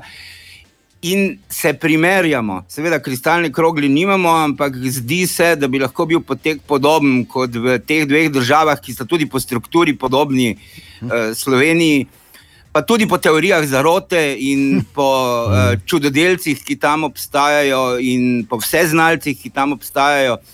Skratka, zdi se, da ni prav posebnih razlik med ljudmi, ko se znajdejo v takšnih hudih stiskah in pod grožnjo bolezni, za katero se zdi, da je ne razumejo.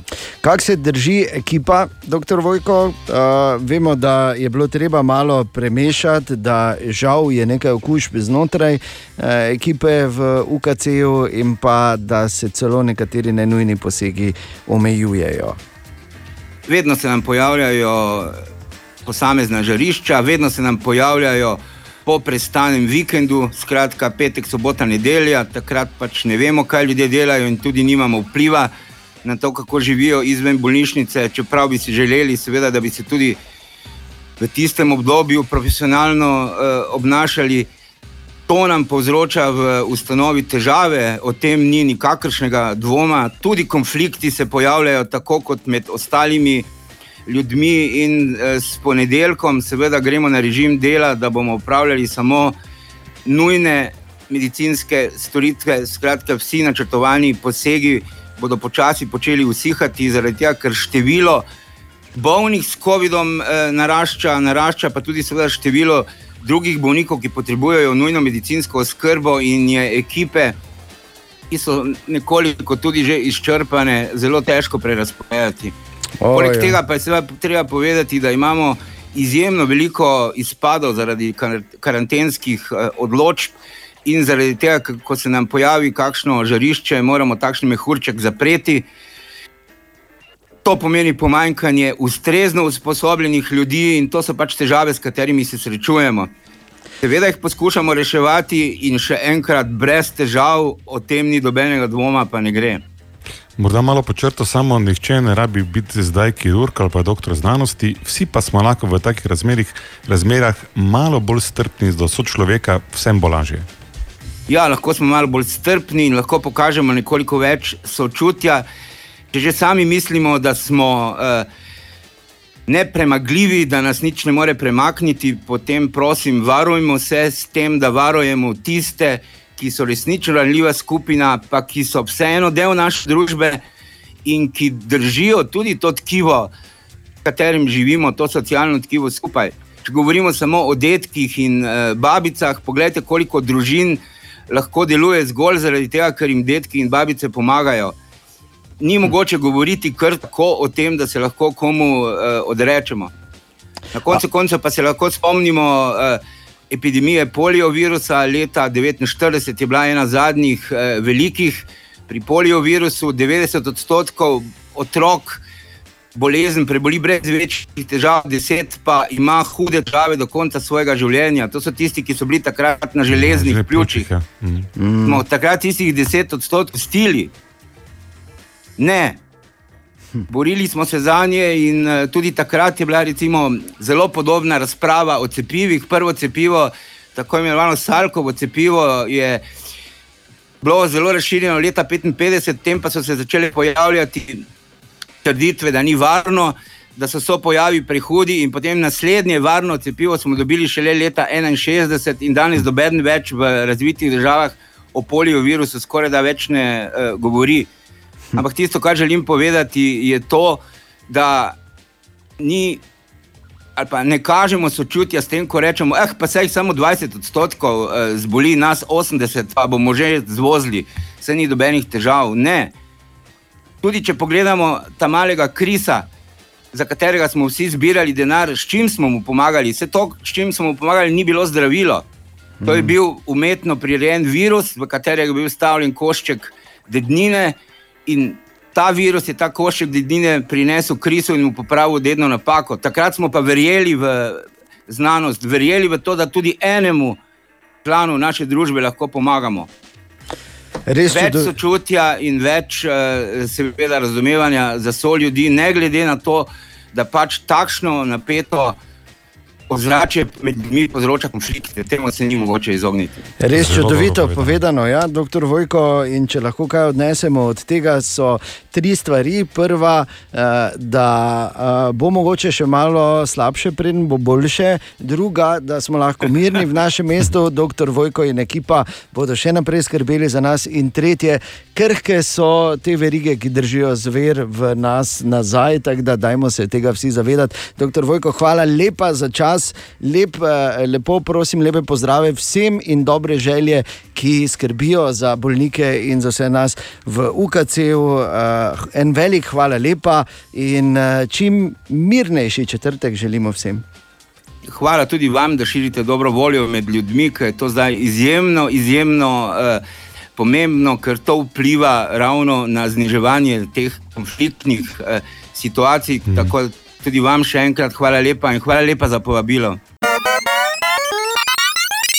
Web, web, web, web check. Torej, Katja. Dobro jutro. Zdravo.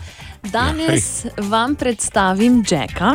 Jack je 12-letni fant, ki se je upisal v Guinnessovo knjigo rekordov s tem, da je najmlajša oseba, ki je uspela nuklearna fizija. Z 12. Kaki Jack? Ja, kaj si pa ti delal, ko si bil star 12 let? Jaz predvsem tako zgleda jedo.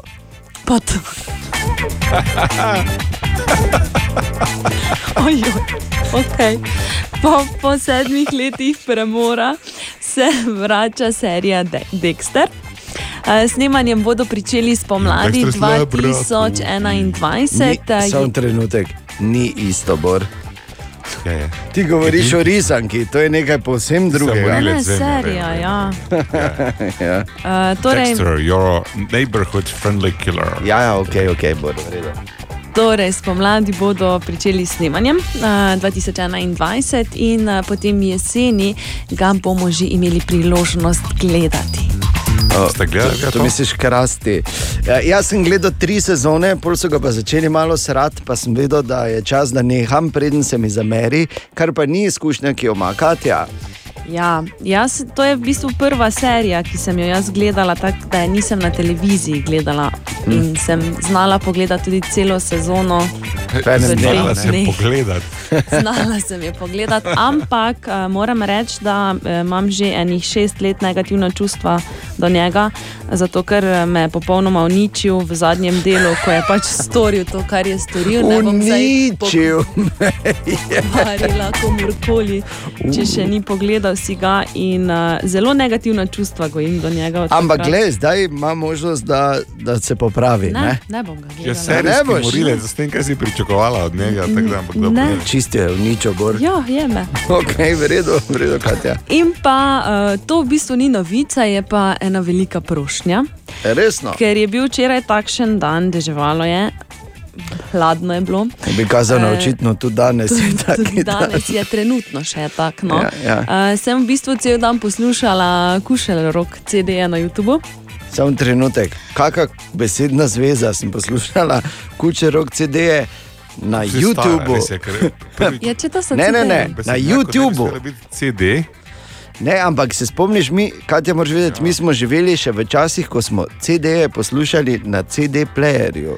Ja. In kušlji rok vun trgali iz brava.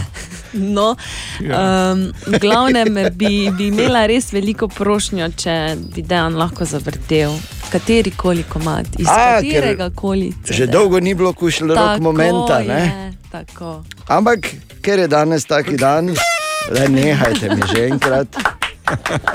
Maestro pač popušča pod uh, zahtevami publike.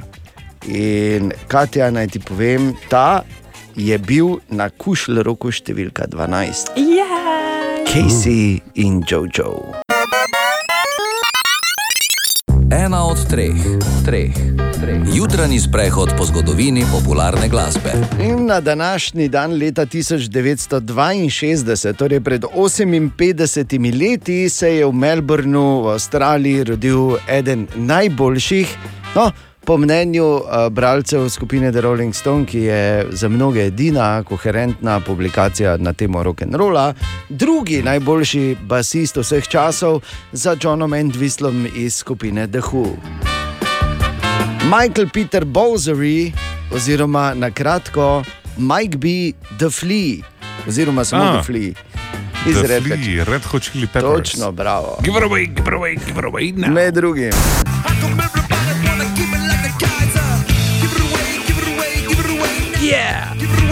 Kdo bi mene poslušal?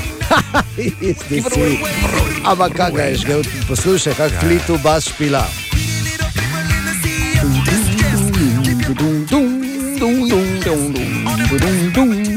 Dober je. Neverjeten tudi.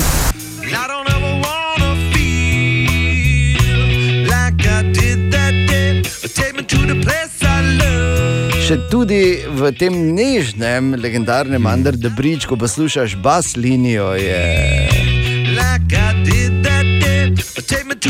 Flipa, če razlaga svojo zgodbo, ki je krasno komplementarna vsem ostalim, kar Red Hot Chili Peppers naredijo. Tako da fenomenalno.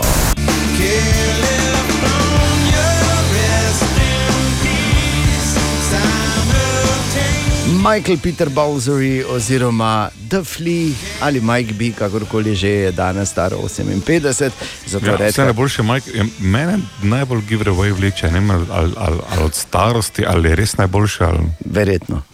Verjetno ono prvo. Ampak kdo smo mi, da sodimo? Sploh danes. Redka čili peppers. tako. Pa dajte mi mirno. Katja, dočakala si? Mhm.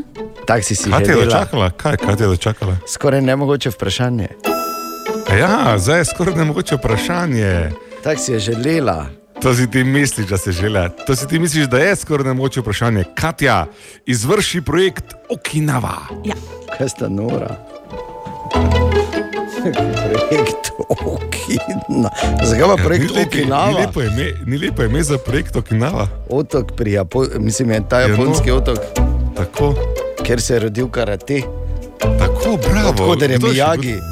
Tako. Kjer je Daniel San v drugem delu, ne, na koncu Pa zmagal. Da, da Težo. marsikaj veš. Zdaj pa samo to povezi, po- poveži z preprostim dejstvom, da si eh, ne bil rojen na današnji dan.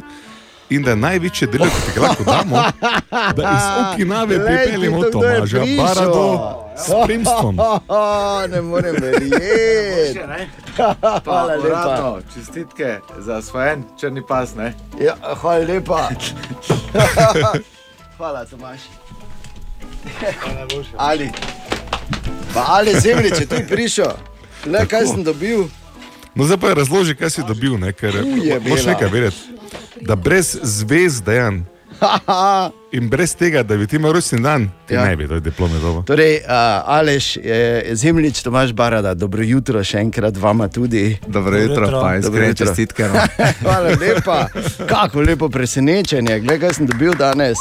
Na rojstni dan sem dobil certifikat iz umobolnice. Ne, to bi se že praktično, Ne, ja. ampak lepo. Wow, sam predsednik zveze, hvala lepa. Torej, No, moram povedati ne, v, ob tej priložnosti, da si dejan ta pas zagotovo zasluži, torej, da je za njega res garal in da smo zelo ponosni, da mu je uspelo osvojiti tretji dan v, v tekmondoju, tako da dejan iskrene O, čestitke. hvala lepa.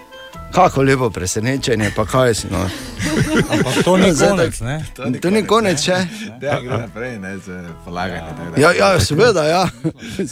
upam ali upam, ker veste, morate vedeti, ena zgodba pa je in zdaj imam priložnost, da jo povem. Jasno, naš predsednik zveze in predsednik športne zveze, Maribor, podpredsednik Olimpijskega komiteja in naslednji za Bahom, kot jaz pravim, Tomaš, ne, ima v bistvu seveda že sedmi dan, Alež. Ali zemljič, naš tudi vrhunski, je, je zdaj nedolgo nazaj položil peti dan, potem ko so bile hude muke, ker Aleš bi tudi mogel biti nekje pri šestem, sedmem, že Aleš, ne priznaj. Ja, res je. Ja. A- Zdaj si koma čakal, da to lahko. Ja, da lahko povem. In se je rešil, zato ker je, če ne bi petega položil, bi, bi potem imeli tak en intervju tukaj na radiju, ker bi povedali, pa zdaj ne rabimo. Tako Da, Aleš, eh, vsem, eh, torej tudi tebi hvala in super. Da je tako, kot je. Če pa uh, samo mogoče zdaj, ko imamo tu priložnost, da izkoristimo, vseeno smo še v oranžni coni, kar pomeni, da v našem športnem centru Barda še zaenkrat lahko delamo. Ja, torej zaenkrat, če lahko delamo, bojimo se seveda, kaj se bo zgodilo v ponedeljek, torej po vikendu. Uh, ampak zavedati se moramo, da je trenutno taka situacija, kateri moramo slediti in uh, jaz upam na najboljše, da se bomo vsi čim prej prekužili, oziroma da bomo lahko spet normalno. Normalno delali, da bo to ja. mimo. Če se slučajno zgodi, da nas zaprejo, bomo telovadili preko Facebooka dalje. Ja, vsekakor bomo nekaj naredili, ne, okay. ne bomo pustili na cedilu in vseh odra odraslih tudi ne. Okay. Uh, ali bi še kaj dodal? To je to, ne. Dobro jutro. Dobro jutro. Hvala lepa še enkrat, res wow. Zdaj še dan, da ob, ob rojstnem dnevu te ena misel lahko to laži. Ja. Aleš je tako daleč od Tomaža, koliko si daleč od Aleša. Si si izračunal to? Pa res, gledaj, 3-5-7 smo zdaj, Pa lepo ste. lepo, lepo, lepo. To lepo. vedno izračuna, ne. Wow. Normalno, To je tudi edino, če žena more noge, gor dvigniti. Dejan sam, vse najboljše. Hvala. Vse najboljše. najboljše, Dejan. Ok, lahko gremo dalje. Hvala. Ne, ne, ne, nikamor ne gremo. Ne? En uh, lep posnetek še imamo za te. A, lepo, če ne gre nič, če ne dela. zdaj se- Seveda, dela. Pokvarilo Daj, se. probaj še enkrat. Drag dan, lepo zdrav. Luiga. Dobro jutro. Luiga. Okay, uh, je nič, res dan imaš, ne? tako da se ti pripravlja eno izjemno, super, eh, čudovito točko. Boš povedal, kolega Medved. Seveda. Vse najboljše. Za te! Kaj je zdaj? Če nisem vedel, kdo poje. Okay. Konja. oh. Daj nehaj, no. Vse najboljše. Za te! Kaj je zdaj? Vse najboljše. Za te! Vse najboljše. Dragi Dejan, vse najboljše za ti. Viš, To je to? Izvrstno. Krasno. Vse najboljše. In šte, ne? Pač 47, tako kot. Pa daj nehaj. 43. Mm, 44. 43 je bil že. Ja. Pe- 45, čak. 39, tudi že bil. Mislim, da je enkrat rekel, da je 13 tudi. 1975 kot najboljše leto. Tako da mislim, da je 45. 45, že ga si nor. In glej, veš kaj zdaj gledam na urnike do konca leta 2023, kdo dela vse sobote in vse nedelje. In naj vam reče, vse ne boljše, za te, tu imaš vse nedelje. Hvala, pubeca. Častimo tvoj račun. E, Zakaj bi čakali? Petek je, nimamo časa čakati, kaj ti na zvezi je Megi Kotnik, dobro jutro. Je, dobro jutro. Dobro jutro.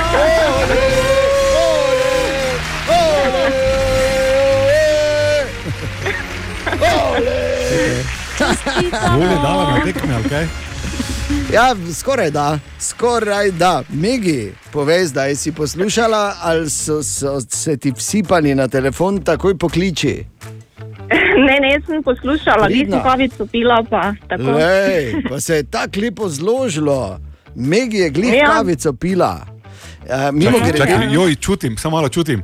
Poslušala, kavo pila, hopa in denar dobila, la la la. la, la, la. To je tako. A, Megi, jaz se upravičujem, samo Bor ima malega otroka, veš, pa malo gre. Ja, so otroče, vse, vse gre v otroško pesem, veš? Ga zastopim. Zastopiš, ne? Malo Najprej, Ja, ja. najprej morava uh, rešiti Megi, poslala si račun in kakšna je cifra, ki jo bomo častili. Uh, 244 evrov. Tako je, častimo. Ole, ole, ole, ole.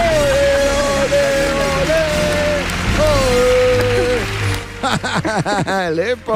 S- Samo malo, čakaj malo, ustavi vse. Ja. Katja, Ja. Katja Ja. zakaj se ti ne veseli zraven? Če pa sem se veselila. Ne, ne, ne, nisi ne plesala, ne pela za me. Seveda sem, Kaj sem si, se ne boš podrla, šljiva, Megi, pa malo mogoče? daj, Kaj smo bo. Favšičko opalili? Smo Favšičko opalili, malo? Favšičko palimo. Okay, čakaj, slišala, da moramo drla prej, popraviti, moramo Popravi. popraviti. Okay. Megi sama. bomo častili 244 evrov.